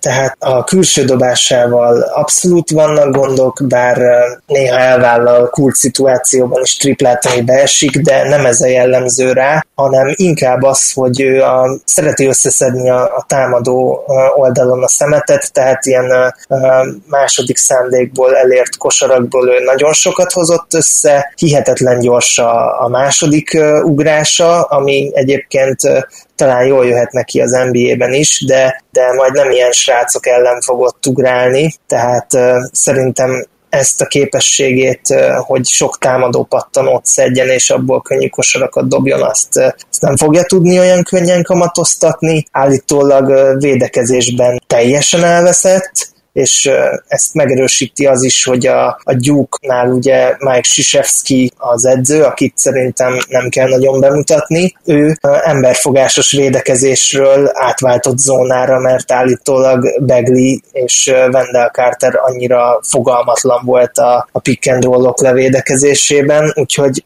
ehhez csak sok sikert tudok neki kívánni az NBA-ben, de hát ez, ez nem lesz egy fákjás menet, az biztos. Ez nagyon para. Zoli, te gondolom, akkor egy, ezt is halva egyre jobban félsz attól, hogy esetleg az ötödik helyen csúszik. Valahol félek nyilván, mert ahogy mondtam, nem ő lenne az első, második, vagy akár harmadik számú választásom sem. Viszont ha már ott vagyunk az ötödik helyen, én mindenképpen bekockáztatnám, ugye szerintem nézőhallgatóink, de ti is nyilván mert tudjátok rólam, hogy nálam a drafton a legfontosabb a max potenciál, és Begliben az még mindig magasabb, mint az utánuk következő játékosokban, még akár Triangelnál is szerintem, én, én legalábbis így gondolom és egyébként bár vannak kérdőjelek Beglivel szemben, azért van egy csomó olyan készsége, én, én úgy érzem, ami, ami egyértelműen az NBA-ben is hasznos, sőt nem is az, hogy hasznos, mert ugye ő pont, hogy nem hasznos játékos lesz, hanem ő nagyon jó támadó játékos lehet, tehát vannak olyan készségei, amik, amik az NBA-ben is nagyon jó támadó játékosra fogják őt tenni. Én ebben szinte teljesen biztos vagyok. Nyilván a védekezése az ugye problémás, az para, ahogy mondtátok, de egyébként például az ESPN-nek ez a analitikus szoftvere, az például őt hozta ki a legjobb,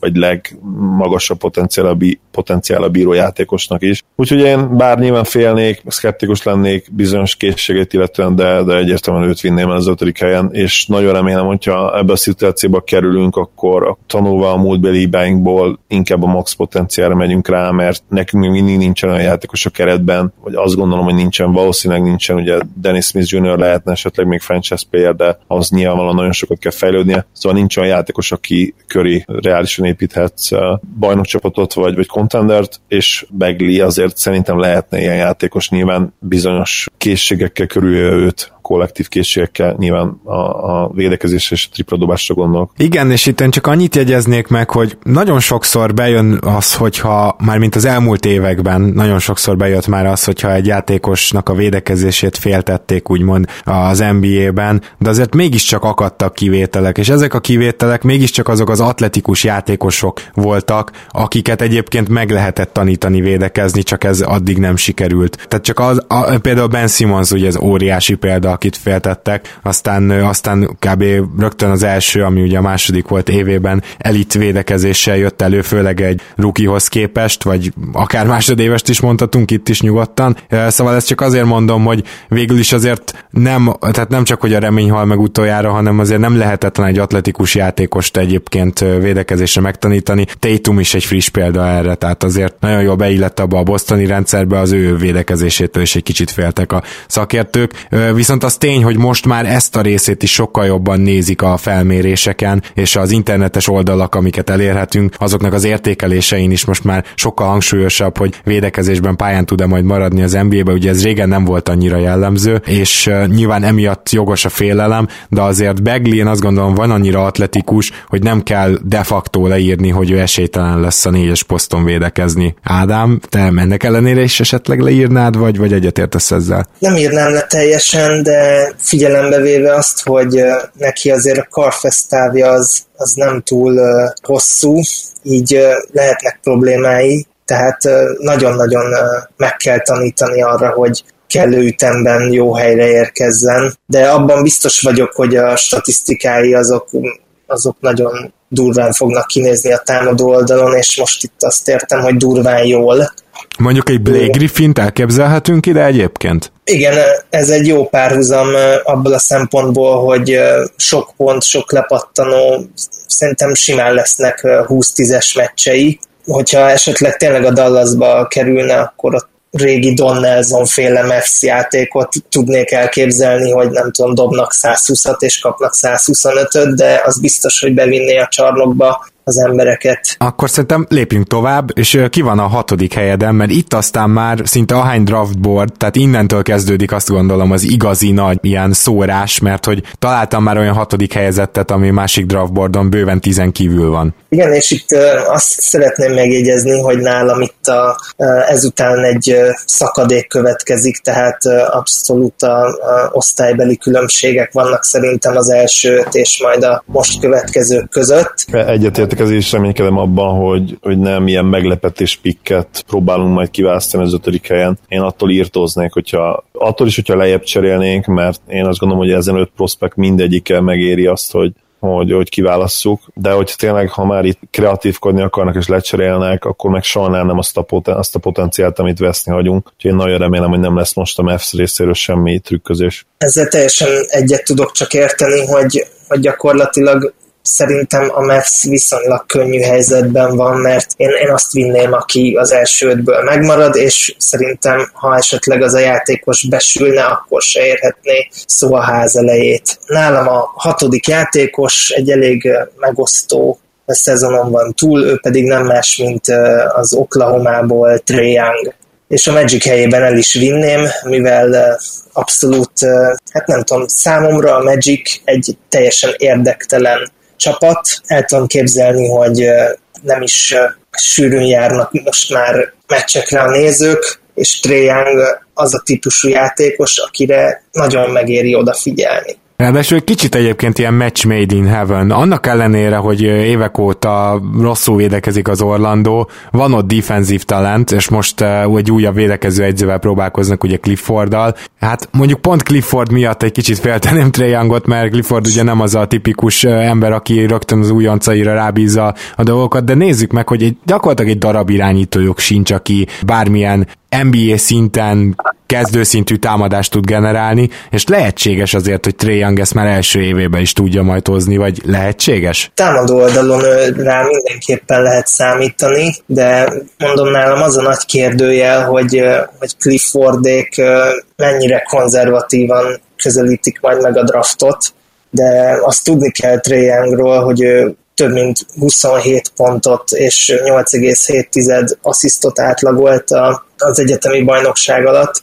Azt lehet mondani, hogy nagyon kevés volt ez a tehetség, ami őt körülvette a csapatában, és nála abszolút lehet mondani egy párhuzamot, aki nem más, mint Steph Curry, nem a mostani, hanem talán a, a négy vagy öt évvel ezelőtti Steph Curry. Hasonlóan, tá, hasonlóan jó játékos volt, tegyük hozzá, bocsánat. Tehát az négy-öt évvel ezelőtti Steph Curry már szintén egy, egy all-star szintű játékos volt. Ha azt a szintet elérne Young, az, az nem lenne rossz. Igen, és engem a mostani Steph Curry-re jobban emlékeztet Trey Young, mint, mint az egyetemista Steph Curry. Uh-huh. Hát nem lehetett látni, hogy ekkorát fog ugrani Curry, viszont Trae meg már most ebben a szezonban olyan távolságokból eresztette a pull-up triplákat, hogy, hogy az gyakorlatilag csak szinte csak Lilárra és, és Curryre jellemző. Igen, egyébként ebben az is benne lehet, hogy most már tudjuk azt, hogy, hogy mi az, ami lehetséges. Tehát mielőtt Curry jött az NBA-be, nem is nagyon gondoltuk azt, hogy, hogy, ez, hogy ez lehetséges lehet, és ugye volt korábban, megint nem fog sajnos a neve eszem, eszembe jutni, volt egy NBA játékos, aki Tourette szindrómás, biztos tudtok már segíteni. Tourette szindrómája volt, és tulajdonképpen ilyen Curry előtti Curry volt, nagyon messzi triplákat is eleresztett. Ja igen, neki nem olyan könnyű a neve, mindjárt megnézem muzulmán vallású Igen. volt talán. Nem Abdul Rauf. Abdul de, Rauf, azaz. De, de. Köszönöm. Tehát ugye Abdul Rauf volt, aki úgymond ilyen 0.0 verziója volt Currynek, hogyha Curry ugye az 1.0, bár aztán Curry lett szerintem a 2.0, meg a 3.0 is, de mindegy. Igen, mert azért itt Steve Nash meg Gilbert Arenas-t is meg kell említenünk nyilván, mint elődök valamennyire, főleg Arenas-t ilyen ugye Curry és Nash között is van hasonlóság, ugye mind a kettő sharpshooter, és Curryben van egyébként ez a pici flare, ahogy mondani szokták, ami Nashben meg volt, bár nyilvánvalóan sokkal, sokkal gyengébb passzoló összességében. Visszatérve a Magicre egyébként, én is azt gondolom, hogy Young uh, itt jó választás lehet, mert most lehet esetleg egy Shai Gilgis, Alexander, vagy ugye kiválaszthatod esetleg Sexton, de, de hát mind a kettő azért elég erős reach lenne szerintem a hatodik helyen. Hát igen, és mondjuk, hogy mindenki el tudja képzelni akkor egy körjéhez hasonló játékos, de a korai körjéhez hasonló védekezésre azért tegyük hozzá, vagy lehet, hogy még annál is gyengébbel, pedig körri akkor éppen, hogy csak pályán tartató volt az első két-három évében. Szóval azért ez viszont egy ilyen nagy probléma lehet, viszont pont Zoli, ezt neked mondanám, ugye a te nagy elméleted az, hogy szinte alig számít a védekezés irányítóknál, és mi is emiatt súlyoztuk annó a two játékosoknál, ugye kisebbre az irányítókat. Én egyetértek ebbe veled, csak hogy lehet, hogy ez már annyira rossz védekezés lesz szerinted Treyangé, hogy az már irányító poszton is baj lehet? Most egyébként van egy ilyen statok, advanced statisztikusok körében is annak, hogy, hogy mégis azért számít annál többet az irányítók védekezése, mint azt gondolták, gondoltuk, de az teljesen egyértelmű, hogy, hogy az öt pozícióból még mindig a legkevésbé fontos, és azt gondolom, hogy ez, ez igaz is marad, még olyan meccsapokban is, amikor például egy Steph Curry-t uh, kellene valahogy levédeni, szóval ez szerintem ezen a szinten biztos, hogy igaz, de kíváncsiak Ádám véleményére is ezzel kapcsolatban. Hát én biztos vagyok benne, hogy mínusz egy ember lesz védekezésben. Egyszerűen olyan sokszor már-már bántóan durván bambult el, hogy gyakorlatilag az embere elvezette mellette a labdát, mert, mert szerintem annyira a támadásra koncentrált. Hát érdekes lenne mondjuk a Magicben azért lennének jó védekező társai, viszont hogyha őt választja a Magic, akkor az a jó hír, hogy Cliffordnak már nem sok haja van, ami kihullhatna az ő védekezése miatt.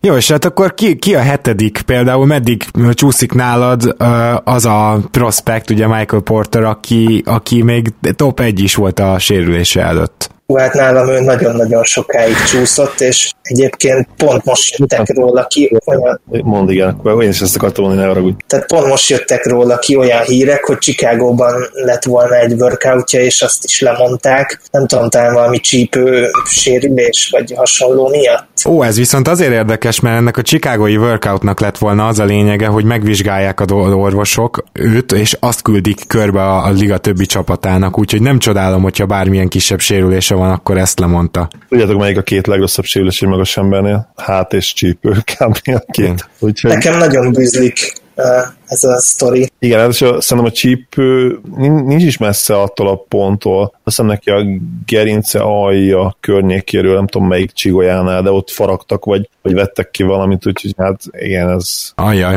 nem, nem hangzik jól. Akkor viszont róla még csak később kell beszélnünk. Ki van a hetedik helyen, Ádám? Nálam a hetedik helyen egy kész, hát lehetne készjátékosnak is mondani, de mégis van benne még mindig potenciál, és az nem más, mint a kétszeres NCAA győztes Michael vagy Michael Bridges Yep, őt, őt én is nagyon-nagyon csípem, és szerintem Zoli is, tehát, hogy ő, én szerintem az első évében egy kifejlett Covington lehet. Nem tudom, hogy Zoli ezt kb. jó hasonlatnak tart de. Én, én nagyon csípem, és ha a 8., 9., 10.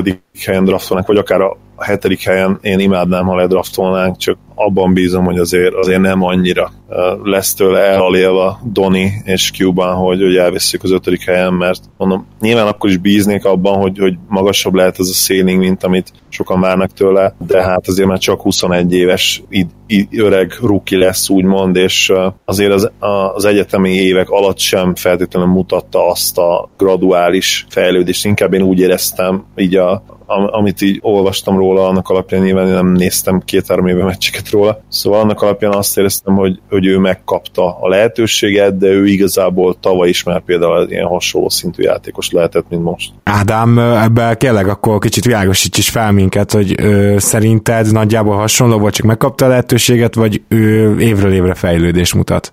Én most itt vitatkozni szeretnék Zolival, hogyha már úgyis sok olyan kommentet olvastam, hogy azt hiányolják a nézőhallgatóitok, hogy nem vitatkoztok egymással, akkor most itt vagyok én. Helyes. Hogy szerintem az ő egyetemi újon szezonjához képest hatalmasat fejlődött, mégpedig támadásban. De a védekezés... Bo- bocsánat, ezzel egyetértek, hogy én a tavalyi szezon mondtam, ahol egyébként a mezőnyből jobban is dobott, mint kivéve nyilván a triplát, meg ugye, de sőt, triplából is egyébként jobban dobott, nem, triplából rosszabbul dobott és kevesebb kísérletet, tehát ott egyértelműen elő, előrelépett, viszont a mezőnyből egyébként meg sokkal jobban dobott, és a két pontosokat meg sokkal-sokkal jobban dobta például a, a sophomore szezonjában. Az, azzal egyetértek, hogy a, hogy a freshman évéhez képest egyértelműen előrelépett, tehát fejlődött ő, csak én ezt a graduális ívet nem feltétlenül látom benne. Én inkább úgy érzem, vagy gondolom, mondom, nem láttam olyan sokat, tehát simán elképzelhető, hogy tévedek, hogy ő itt egy nagyon nagy usage növekedés kapott meg. Gondolom valaki kiment előle, akit ledraftoltak, ugye tavalyi szezonban.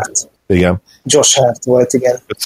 Úgyhogy uh, szerintem ez is benne lehet, de mondom, lehet, hogy fejlődött, tehát a tripla százaléka például elképesztő, ugye a 43 százalék, és megduplázta gyakorlatilag a tavalyi kísérletés számát. Csak mondjuk az fura számomra, hogy, hogy például a büntetőt is rosszabbul dobja, meg a ketteseket is lényegesen rosszabbul dobta most a harmadik évben, mint, mint a sophomore szezonjában. De kicsi mintákról beszélünk minden Kali szezonban, szóval lehet, hogy itt el kéne engednünk, mert ugye mi itt ilyen 35-35 meccsről beszélünk, hát ugye az NBA-ben hányszor látunk olyat, hogy valakinek van egy 20 meccses sorozata, ahol gyakorlatilag nem tud hibázni. Ugye a Kingsben volt Scal Bassiénak egy ilyen éve, ahol nem játszott túl sokat, viszont az alatt szinte minden középtávolít bevert, és akkor mindenki el volt tájolva, hogy jó, ennek a srácnak jó kezele van, meg, meg biztos akkor triplája is lesz. Aztán most, hogy többet játszott idén, most kiderült, hogy az egy szép nagy fluk volt valószínűleg az az első év, úgyhogy NBA példákat is nyugodtan hozhatunk ezzel kapcsolatban. Igen, és amit még kiemelnék vele kapcsolatban, hogy abszolút érzem benne azt, hogy ő egy, egy Philadelphiában például annyira instant impact játékos lehetne már jövőre, mint amilyen OG Anunobi volt a Raptorsnál. És én még azt is megkockáztatnám, hogy ha, ha ledraftolná a Philly Bridges-t, akkor én, én Covington-t elengedném. Hú, hú. Mármint most már inkább csak elcserélnéd, de igen. Igen, igen, így értettem. Ugye megkapta a hosszabbítást, igen. Mennyiért írta a Covington? Ugye emlékszem, hogy akkor nagyon jó szerződésnek gondoltuk, ilyen évi 10... 12-13 évente, valami ilyesmi. Az mindig hangzik, igen, bár ugye nem játszott túl jól play vagy legalábbis nem játszott konzisztensen jól a pálya mindkét oldalon mert ami Bridgesről egyébként elmondható, hogy, hogy ő azért a labdát is le tudja ütni, míg én ezt nem láttam nagyon Covingtonnál, tehát ő vagy beleáll a triplába, vagy, vagy, vagy nem dob rá. Abszolút, abszolút igen, Covington nem tud szinte egyáltalán ö, szervezni, bár egyébként nem rossz a, abban például jó, hogy, hogy gyorsan felismeri a, az extra passzokat, és, és abból szépen tovább tudja uh, dobni, de uh, adni a labdát, de leütni valóban nem, nem, nem tudja, ez nem az erőssége. És ez ugye elég fontos a mai NBA-ben, hogy az ilyen close-outokat verd meg, hogyha nincsen elég jó passz lehetőség, tehát akkor mondhatjuk, hogy Bridges ebben várhatóan jó lesz? Szerintem abszolút. Hm? Abszolút igen, és én ami hasonlítgatást olvastam még vele kapcsolatban, az egy Chris Middletonos összehasonlítás volt, ami hogyha kijönne belőle, akkor, akkor itt szerintem teljesen vállalható választás lehetne a hetedik helyen. Igen, Chris Middleton például az a játékos, amelyik egy csapatnál se lenne franchise player, de mindegyiknek kellene. Tehát nincs olyan csapat, ahol ne tudnád beilleszteni. Így van. Nálam a következő játékos lehet, hogy egy kicsit reach, de én, én sokat látok bele, az pedig a kanadai Shai Gilgis Alexander. Hoppá! Ez szerintem az első nagyobb reach itt az általános draftboardokhoz képest, úgyhogy mindenképpen fejtsd ki. Jumbo irányító, a nem is tudom, talán kevésbé jól passzoló, de, de, de jobban dobóból. Lássuk, hogy, hogy mit látsz annyira benne, mert az az igazság, hogy egyszerűen én nem tudom, hogy hányadan álljak vele annyi féle különböző értékelést olvasni róla kapásból. Csak nekem tűnik ő, bocsánat, Ádámnak címezem ezt a kérdést nekem tűnik ő ilyen Chauncey Billups reinkarnációjának? Nekem abszolút ő jut róla eszembe. Játék, hát, meg erősségek Nem tudom, én azért ezt a tripláját azt nem annyira láttam Alexandernak, nagyon kevésszer vállalkozott, de az tény, hogy, hogy a post az, az abszolút Billups-szerű. Meg ugye Billups is rengeteg tömérdek mennyiségű büntetőt kiharcolt, nagyon-nagyon erős volt ő is, tehát Billups is, ugye ez a legnagyobb ilyen, ilyen hívó, calling card, ütőkártya, igen, az jobb magyar szó, hívókártyát akartam mondani, szó szerint fordítani. Szóval a legnagyobb ilyen ütőkártyája Shine-nak is, hogy, hogy elképesztő fizikai paraméterek, ugye a Billapsnál még magasabb is.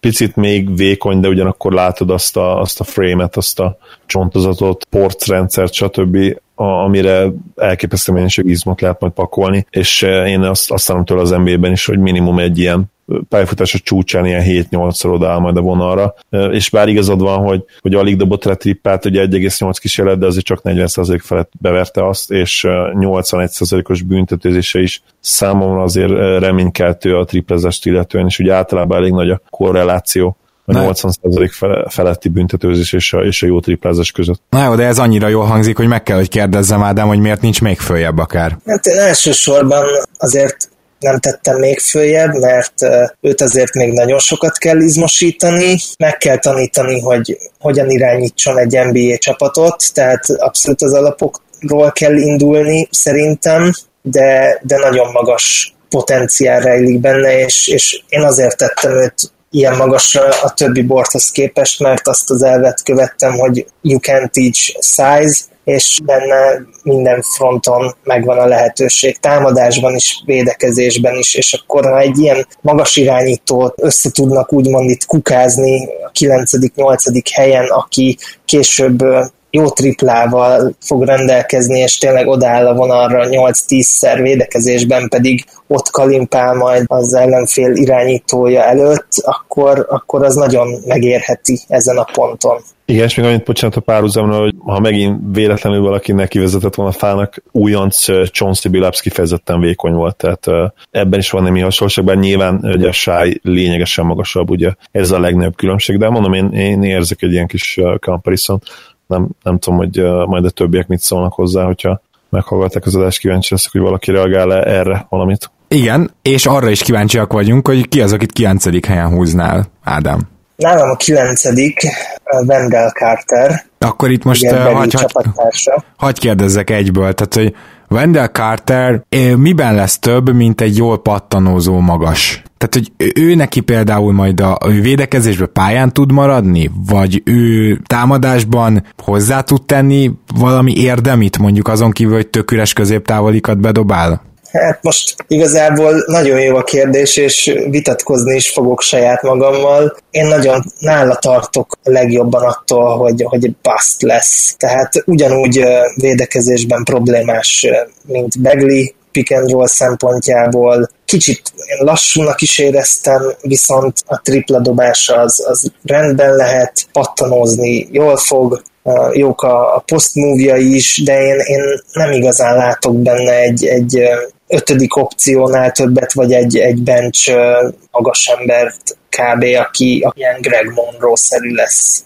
Ha már mondjuk a Cavs fejével, kollektív fejével gondolkodsz, vagy GM fejével akár, hogyha elmegy LeBron, érdemesebb lenne nyilván egy olyan játékos kiválasztani, aki, akiben komoly a potenciál van, tehát akár az említett uh, Okobót, vagy, vagy én még azt is látom képzelni, hogy, hogy akár ilyen muszát, mert uh, ami a plafon illeti, szerintem ők azért egyértelműen erősebbek ebben, tehát uh, abszolút egyetértek veled, én Wendell Carter Juniorban egy jó, jó kiegészítő embert látok, és semmi többet. Tehát ha már itt vagy a nyolcadik pikkel, és mondjuk tudod azt addig esetek, hogy LeBron elmegy, akkor nyilván itt már nem is olyan játékos választasz, aki, aki egyből segített, valószínűleg Wendell Carter Jr. semmi lenne, de akkor már inkább megfordítod az egészet, és úgy vagy vele, hogy, hogy egy abszolút uh, high ceiling, akár, akár boom or bust uh, prospektet kiválasztasz, és nem pedig ilyen toldozásra, foldozásra alkalmas játékosokat, mint amilyen Wendell Carter. Uh-huh. Igen, ez érdekes, bár hozzáteszem, hogy a kilencediknél járunk, de ettől függetlenül nyugodtan elgondolkozhatunk. Igen, bocsánat, pikre gondoltam. Igen, a Cavs fejével is, és akkor hát menjünk tovább, akkor ezek szerint Michael Porter még csak létezik, hogy csak most jön, vagy még most se? Nálam ő még most sem jön. Nálam, nálam a következő Miles Bridges a Michigan State Spartans-tól, és hát vele is nagyon vegyes, vele kapcsolatban is vegyes érzéseim vannak. Miles Bridges-ben már tavaly is egy lottery szerű játékos volt, és ehhez képest mindenkinek a nagy meglepetésére visszajött a Michigan State-hez, hogy nyerjenek egy, egy egyetemi gyűrűt, és ennek a vége egészen csúnya lebőgés lett, hiszen semmit nem tudtak megnyerni gyakorlatilag a szezonban, és egy olyan csúnya meccsel búcsúzott az egyetemi pályafutásától, ahol a Syracuse ellen játszottak, amelyik egyetemről köztudott, hogy zónát játszik, de egész évben, tehát erre fel lehetett volna készülni. Mégis az egyetlen próbálkozás az volt a Bridgesék részéről, hogy több mint 43-as rádobtak, és valami pocsék százalékkal estek ki. És az újonc szezonjához képest nem igazán tudott fejlődni. Tehát lehet, hogy nála már nagyon közel vagyunk a plafonhoz. Nem tudom, hogy te róla mit gondolsz, Zoli. Egyrészt én azt gondolom, hogy, hogy mindig keverem a két játékos, és most is meg kellett bizonyosodnom arra, hogy Milesról beszélünk. Hihetetlen egyébként, hogy, hogy ez a kettő így összejött, ugye nagyon közeli helyekre várják őket 10.-11. pick környékére, és van, aki például a Filinek konkrétan azt gondolja, hogy Miles segíthetne többet, van, aki azt gondolja, hogy ugye Mikael vagy Michael, nem tudom pontosan, hogy hogy kell ejteni. Az az igazság, hogy, hogy Miles már kicsit ilyen, ilyen forgotten menné vált. Ugye azt hiszem a Ringer ki is hozott egy, egy cikket pont vele kapcsolatban, aminek talán ez is volt a címe, hogy ugye ez mindenki által elfeledett prospekt lett belőle, akitől, hát ahogy te is mondtad, tavaly elképesztően sokat vártak, és ahhoz képest nem történt meg az a, az a fajta fejlődés, ami, ami egyébként ugye arra predestinálta volna, hogy, hogy akár a top 5 környékére is kerüljön nehéz így, nehéz így most azt várni, hogy ő majd így varázsütéssel az NBA-ben visszatér ahhoz a, ahhoz a potenciálhoz, amit, amit ugye sokan vártak tőle. Az egyébként ténylegesen jobb freshman szezonja után, ugye gyakorlatilag, ha az advanced statokat végignézzük, szinte mindenben jobb volt, leszámítva persze a büntetőzést, ami mondjuk pozitív, mert ha más nem, akkor ugye ezt legalább megtudtuk, hogy, hogy ezen dolgozott, és ezért neki tényleg annyira finom keze volt, hogy ez a 68%-os büntetőzése az célben azért az, az nagyon fura volt, főleg úgy, hogy már akkor is egyébként kiváló tripla dobó volt. És Zoli, az... őt, te hol látod, milyen poszton játszhatnád egy NBA csapatban? Hát. Mert én nagy bajban vagyok ezzel kapcsolatban. Igen, az a baj, hogy, hogy ő valószínűleg a, a rossz típusú kombó. Valószínűleg inkább inkább dobó hátvédként foglalkoztatnám, mint kis csatárként, de, de, de nem tudom, tehát matchup, matchup függős lenne, meg nyilván, hogy mit tud mutatni nekem a, a camp alatt. Én azért valószínűleg az elsődleges pozíciójaként én, én dobó hátvédként számítanék rá. Te inkább kis csatárként? Ez annyira érdekes, mert én eddig azon gondolkodtam, hogy, hogy kis csatárként, vagy pedig négyesként használnám-e, ehhez képest a kettes és hármas poszt közötti különbségekre gondoltál, szóval szerintem ennyire belőhetetlen, hogy ő neki mi a posztja. Mert igazából ugye 102 kiló, tehát a mai NBA-ben akár eljátszogathatna négyesként is, főleg úgy, hogy ő azért szeret gyűrűnek háttal. Én most értem, hogy a wingspan az, az azért eléggé ki, hogy a 204 centi, ami azt jelenti, hogy az, az 6 láb, hát 6 láb 8, 8 körül, 6, igen. 7, 8. Hát gyakorlatilag a magassággal megegyező, az azért az erőcsatár poszthoz kevés. Tehát akit mostanában látunk sikeresnek lenni az erőcsatár poszton, azoknak általában azért a wingspan elég komoly, vagy legalábbis ilyen 7 láb körül van hát neki azért ez jó tíz Igen, akkor lehet, hogy engem, engem az vitte, hogy uh, ugye az egyetemen uh, sokszor láttam négyesként, de hát ott nyilván ott, más méretű ellenfelek ellen játszik. De figyelj, hát mai ligában semmi sem meglepő, ugye Gábor mindenkiből négyes csinál, úgyhogy lehet, hogy akár ő is uh, small ball line játszott. Figyelj, ha Igudala játszott négyes, szerintem ő volt mostanában, biztos vagyok benne, hogy, hogy volt olyan line az utóbbi egy-két-három évben, ahol volt erőcsatár, Persze, Miért sőt, sőt, sőt, ha biztos vagyok, hogy olimpián ő volt erőcsatár, tehát négyesként Igen. játszották. Akkor viszont, hogyha itt a top 10 túl vagyunk, akkor röviden emlékezzünk még, még pár játékosról, aki szerinted mindenképpen figyelmet érdemel Ádám, és akkor kezdjük az általam már 20 emlegetett szegény Michael Porterrel, hogy nálad miért is csúszik ki ő a tízből? Én annyit írtam fel Michael Porter Jr. mellé itt a kis listámon, pozitívum és negatívum kategóriákba. Tehát a pozitívumként azt, hogy nagy stíl lehet, ha, az egészsége rendben van, és a negatívum az pedig azt, hogy óriási baszt lehet, ha rossz a háta. Tehát annyira sötét ló, hogy talán nem tudom, Harry Giles volt Aha. ilyen.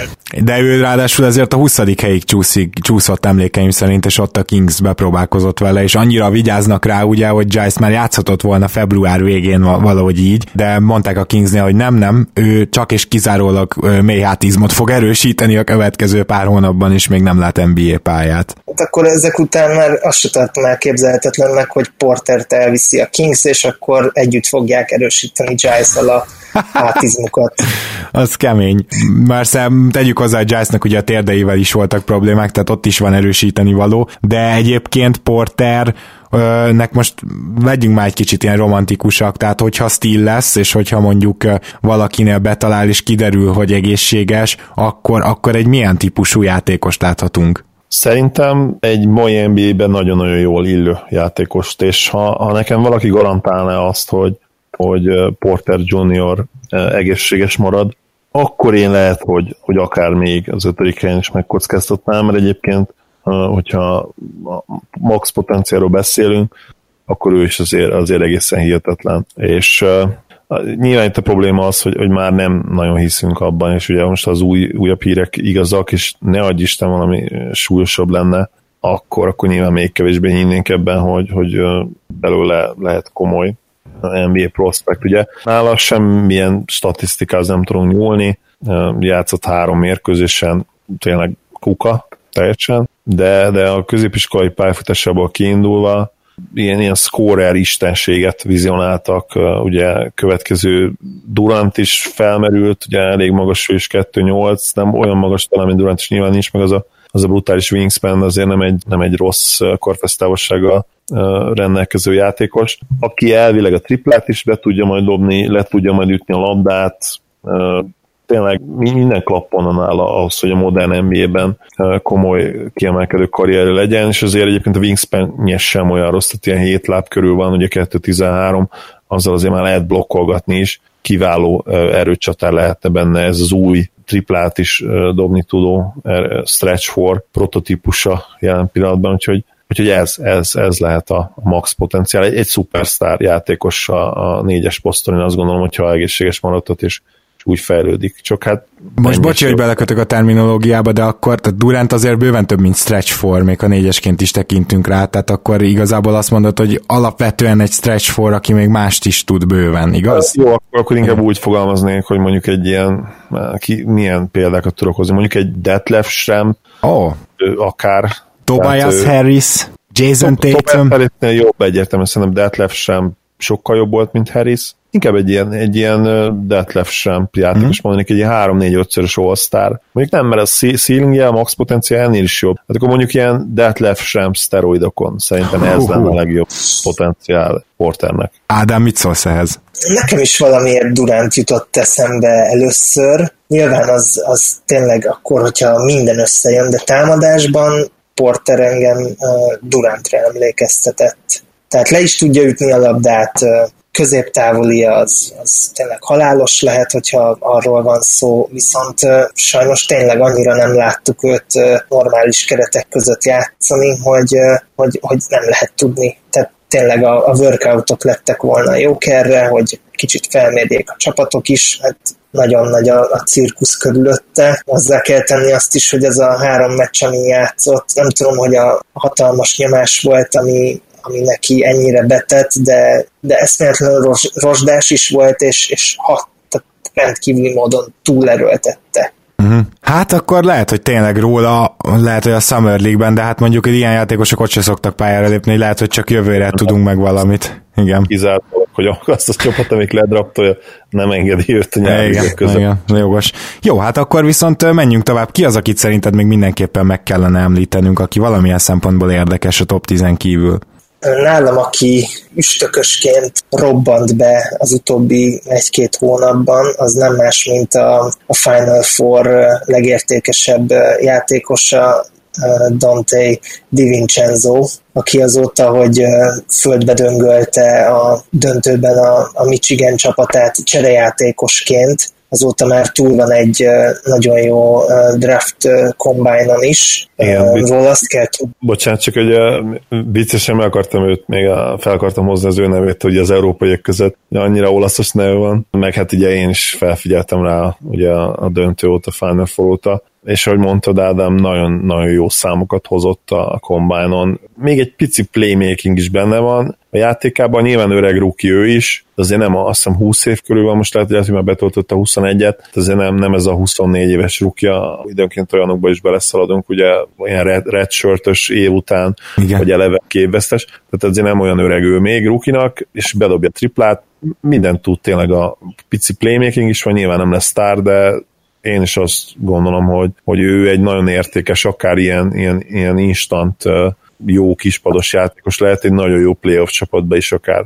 Mi lesz az igazi posztja, és miben jobb ő, mint Nick Sauskas? Tud védekezni, nagyon jó érzéke van arra, hogy a ilyen 50-50 labdákat elvigye. Igen, so, Abszolút, sokkal nagyobb szíve van az egyértelmű.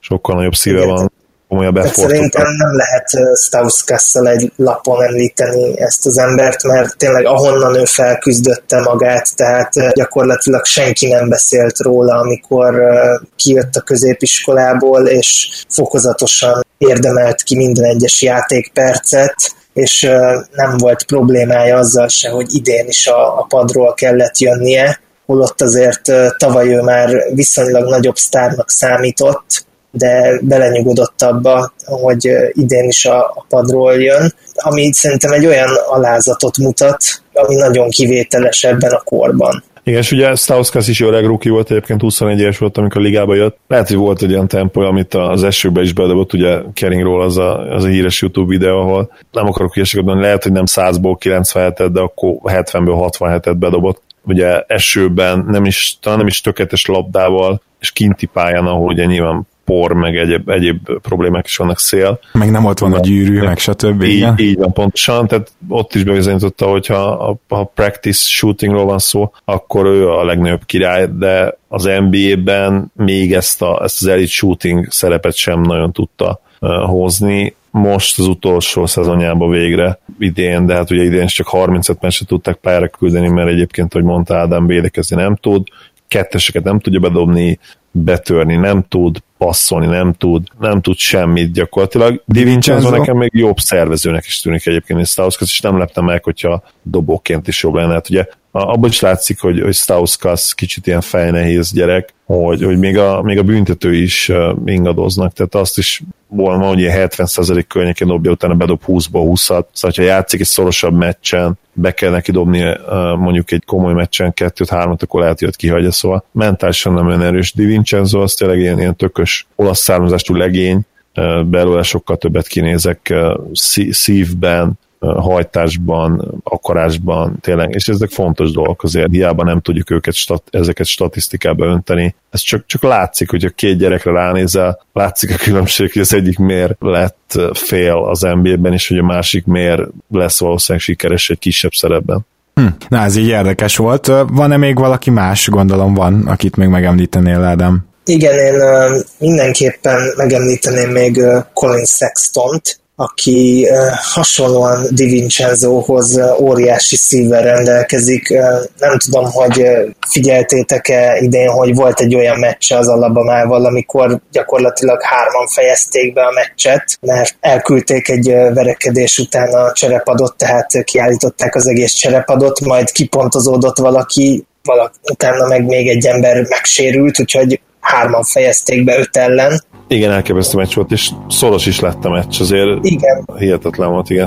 Sexton mondjuk nagyon elfáradt a végére, de, de elképesztő. Meghalt, de, de a szíve az, az ott volt a helyén, igen. és, és gyakorlatilag amíg, amíg mozgott, addig harcolt, és róla abszolút azt tudom elmondani, hogy ugyanúgy, mint az edzője, aki nem más, mint Avery Johnson, hatalmas szívvel rendelkezik, csak a nagy különbség, hogy ő, ő támadásban sem egy elveszett figura, és főleg februárban, márciusban már ott a, a konferencia tornán kezdett nagyon magára találni, és egészen elképesztő 5-10 percei voltak, amikor gyakorlatilag dobott 10-15 pontot, háromszor elvette az ellenféltől a labdát, kiosztott 3-4 gólpaszt, tehát van benne egy ilyen megőrülési faktor, hogyha úgy mondhatom. De nála nagy kérdés az, hogy, hogy ezzel a kisméretével olyan mire lesz képes, úgyhogy ezért én nagyon kíváncsi lennék a, a ti véleményetekre vele kapcsolatban. Nem tudom, hogy ő tud-e majd irányítani, mert szóval az, abba biztos vagyok,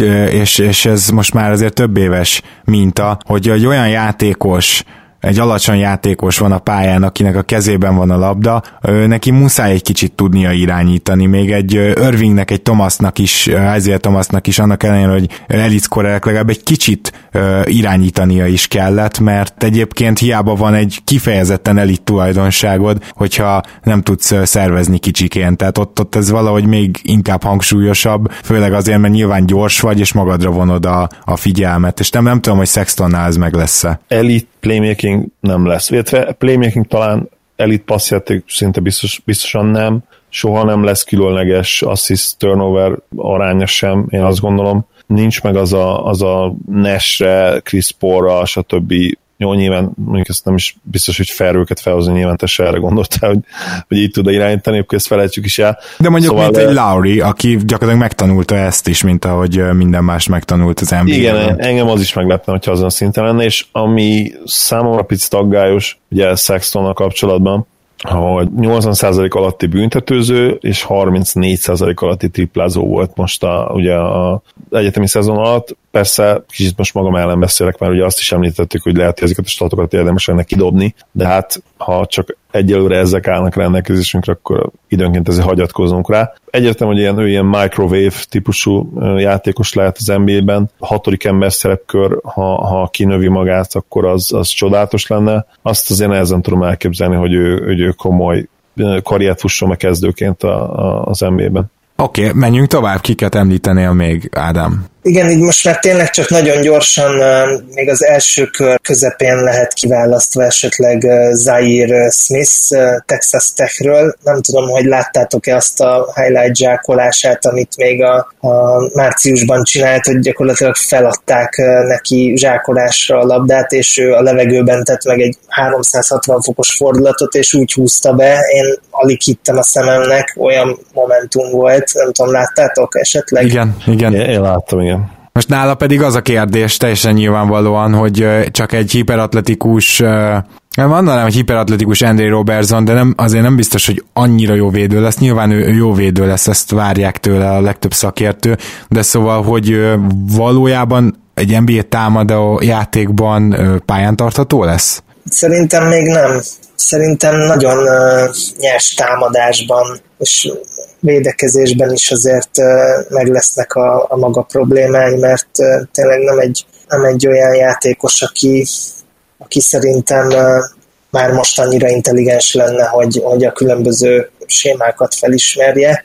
Úgyhogy egy hosszabb távú. Igen, Radney Hollis Jefferson. Igen, az úgy, úgy szerintem rá hasonlíthat, igen. Egy picit atletikusabb még nála is, Smith, de, de jó párhuzam szerintem, igen. Én tovább is lépnék egy olyan játékosra, akit mindenhol gyakorlatilag Lateri végébe várnak, és szerintem viszont hatalmas bust lesz belőle, az Robert Williams, a Texas AM-nek a 4-es 5-ös játékosa. Hát ő nála tényleg, ezt beszéltük tegnap is, de hogy azon kívül, hogy atletikus, én semmilyen ö, olyan tulajdonságot nem tudok felsorolni még az ilyen highlight videói alapján sem, hogy, hogy ami, ami NBA skill.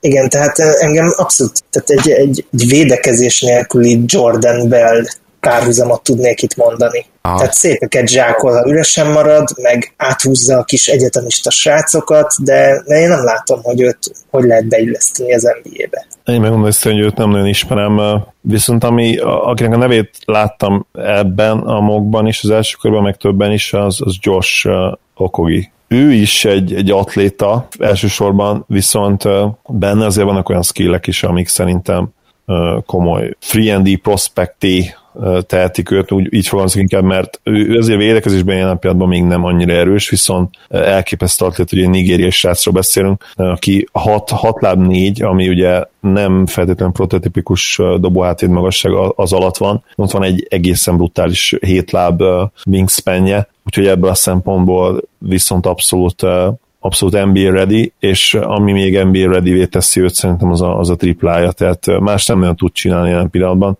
de, de ezt a kettőt, ugye az atletikusság is bedobja a triplát, és ugye periméter játékos, úgyhogy én például inkább egy egy Williams alatt. Hadd soroljak én is ide egy játékost, aki egyébként itt például a Ringernek a draftboardján Okogi 31 és pont előtte van most visszacsúszóban éppen Melvin Frazier, aki szintén egy ilyen 3D potential rendelkezik, mégpedig nem egyszerű módon, ugye van egy 38,5%-os triplája, és emellé pedig hiperatletikus, és azt várják tőle, hogy már az első évében is elitvédő lehet. Hát az elit az nyilván nem NBA szinten, de akkor mondjuk, hogy jó védő lehet. Tehát akár Frazierről, akár Okobi, Okogiról, hogyha van véleményed, Ádám, nagyon szívesen meghallgatnánk, mert beszéltük ugye korábbi podcastekben, hogy ezek a 3D pot, ö, ö, ilyen prospektek abszolút felértékelődhetnek a ö, modern draftokon.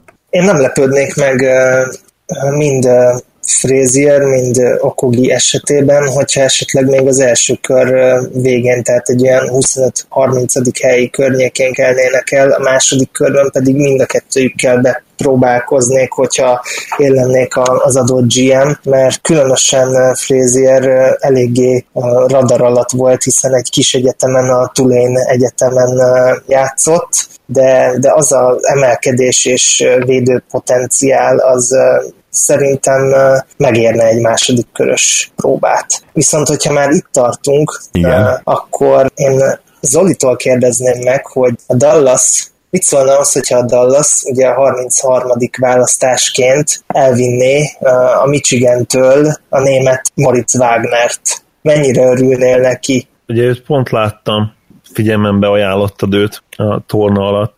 Nagyon-nagyon domináns játékosnak tűnt abban a egyetemi közegben azok ellen a játékosok ellen. De, de amikor őt elképzelem az NBA-ben, hát akkor messze nem egy ilyen játékos látok. Azért kérdeztem egyébként, mert engem nagyon-nagyon Novicki ilyen nagyon light verziójára emlékeztet, ahogy hogy tényleg kilép, dob, tehát szép mozdulattal, meg ugye némető is, úgyhogy így adta magát a párhuzam. 160 tripla kísérletből 40 százalék az azért húzós. Az... Igen, tehát neki vajkeze van. Igen, ugye a Per, ne, közben megnéztem egyébként, jól emlékeztem, hogy, hogy én láttam őt, és azt hiszem pont te ajánlottad a figyelmembe, még a Big Ten játékosról beszélünk, és neki azért elég komoly szezonja volt.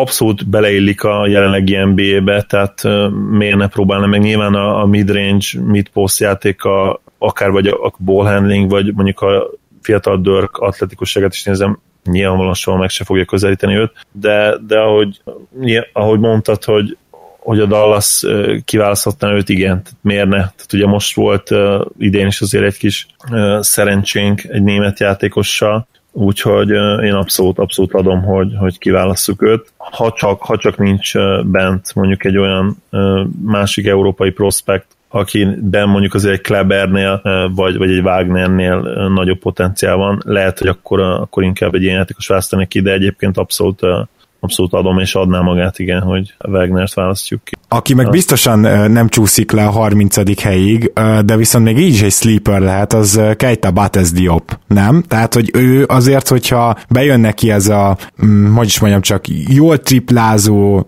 masszív négyes, aki teljesen switchable lesz egyből, tehát több pozíciót tud védeni, akkor azért ott az egy komoly játékos a mai NBA-ben. Mit gondolsz erről, Ádám? Ő lett volna a következő egyébként, akit említeni szerettem volna. Én nekem nagy kedvencem Keita Bates Diop az Ohio State-ről. Ő lett egyébként a, a Big Ten évjátékosa, és róla azt érdemes még tudni, hogy a kirobbanó szezonja előtt neki volt egy sérülése, és abból tudott ilyen tökéletes formában visszatérni. Ja, egyébként Ugye most nézem, hogy, hogy ő tényleg amerikainak számít már, tehát akkor én elég furcsán mondtam afrikai módra a nevét, azért elnézést kérek.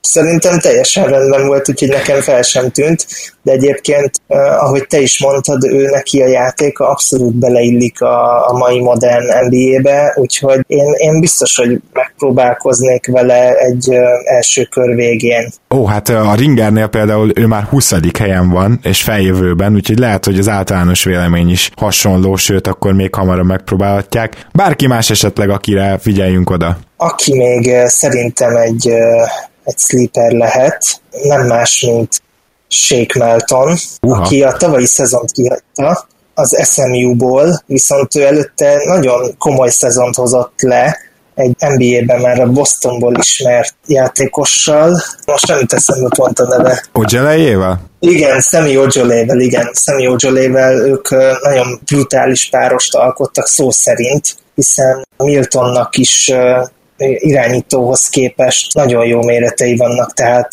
6 láb 6, azért azt gondolom, hogy ez rendben van. Meg az a hetes wingspan. Az meg főleg, és ha azt vesszük, hogy ő nagyon komoly pull-up triplákat dobálgatott, és emellett betörésekből pedig kőkemény zsákolásokat vitt végig. Én azt gondolom, hogy benne, benne hatalmas potenciál van.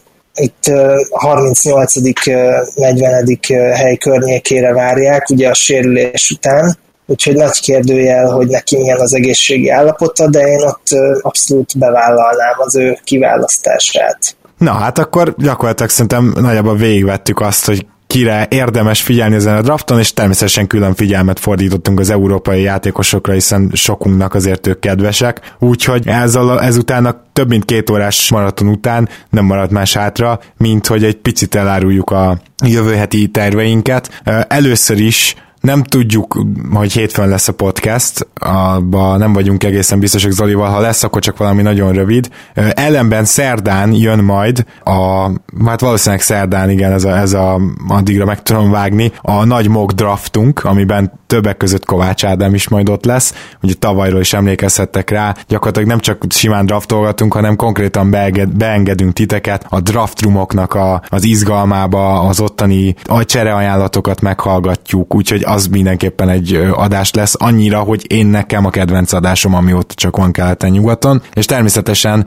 a draftról is majd jelentkezünk a draft után, plusz nekem lesz egy vendégszereplésem, amire most felhívnám a figyelmeteket, mert hogy Dodóék meghívtak engem egy ilyen élő draft night-ra, úgyhogy akkor én azt ott fogom tölteni majd velük, úgyhogy természetesen, hogyha valaki élőben nézi a draftot, és szeretne mellé magyar szakértői, vagy kevésbé szakértői, vagy egy idő után talán részeg elemzés podcasteket is hallgatni, akkor az majd kapcsoljon oda hozzájuk, és, és hát Ádám, én nagyon-nagyon szépen köszönöm, hogy itt voltál, nélküled ez nem sikerült volna, és ezt még nagyon finoman fejeztem ki, bár Zoli legalább azért valamennyire tényleg most otthon van, de én, én azért itt sokkal kevesebbet mondtam volna ezeknél a dolgoknál, és örülök neki, hogy én magam is készülhettem egy kicsit így a draftra veled együtt, vagyis hogy a te segítségeddel. Nagyon szépen köszönöm tényleg még egyszer a, a meghívást, és a megtisztelő szavakat, szavakat, és tényleg bízom benne, hogy a hallgatók is élvezni fogják az adást. Én is köszönöm, hogy itt volt Ádám, és visszakapcsolva a Gábor mondandójára. Visszatérve rá a top prospekteket, azokat most ezen a drafton kivételesen tényleg azt gondolom, hogy amennyire így laikusként lehet ismerni, annyira ismerem. Azért főleg ilyen 6-7-8 játékosról beszélünk, az első kör, kört is valamennyire átfutottam idén, ugye, már csak azért is, mert ugye van egy, ahogy mondtátok, a 33. pik is a miénk, és remélem, hogy ott is tudunk egy, egy jó fiatalt húzni, úgyhogy emiatt még azért azokat a játékosokat is ismerem nagyjából, amik, akik ott vannak a, kör, a környéken, de azért, azért hát én, én sem vagyok draft guru finoman szóval sem, ugye ezt többször bevallottuk meg Gáborral így együtt kollektíve, úgyhogy ezért is én is még egyszer köszönöm Ádám a a, a minőségi részvételt. Nagyon szívesen, és tényleg bármikor, hogyha hasonló téma van, akkor, akkor nagyon szívesen jövök. Már pedig lesz még hasonló téma, hát egyrészt ugye jövő héten, amit ígértem, másrészt majd draftot is elemzünk, úgyhogy bőven lesz miért beszélgetni még ezekről a fiatal tehetségekről, és reméljük, hogy jövőre is bőven majd szolgáltatnak témát. Na hát akkor gyakorlatilag köszönjük szépen Ádám, és köszönjük nektek is a figyelmet, és akkor most próbálunk egy kollektív össze-vissza elköszönést. Sziasztok! Sziasztok! Sziasztok! Örülök, hogy itt lettem. Ez még mehet be. Ha más podcastekre is kíváncsi vagy, hallgassd meg a Béton műsor ajánlóját. El tudod képzelni, hogy a podcastet, amit éppen most hallgattál, fél év múlva már a mesterséges intelligencia generálja? Mi sem. De ha érdekel, eljötte már a gépek lázadása. Hallgass bele az Embertelen podcastbe. Orsós Lajos vagyok, a műsor házigazdája. Egyelőre még élőben. Egyelőre. Fedezzük fel együtt, hogyan ismerkedik, randizik, mesél és vitatkozik Betty és Péter, két teljesen mesterséges intelligencia. Lajos, a podcast címét mond még egyszer, Léci. Oké. Okay. Embertelen podcast. Ez a műsor a Béton közösség tagja.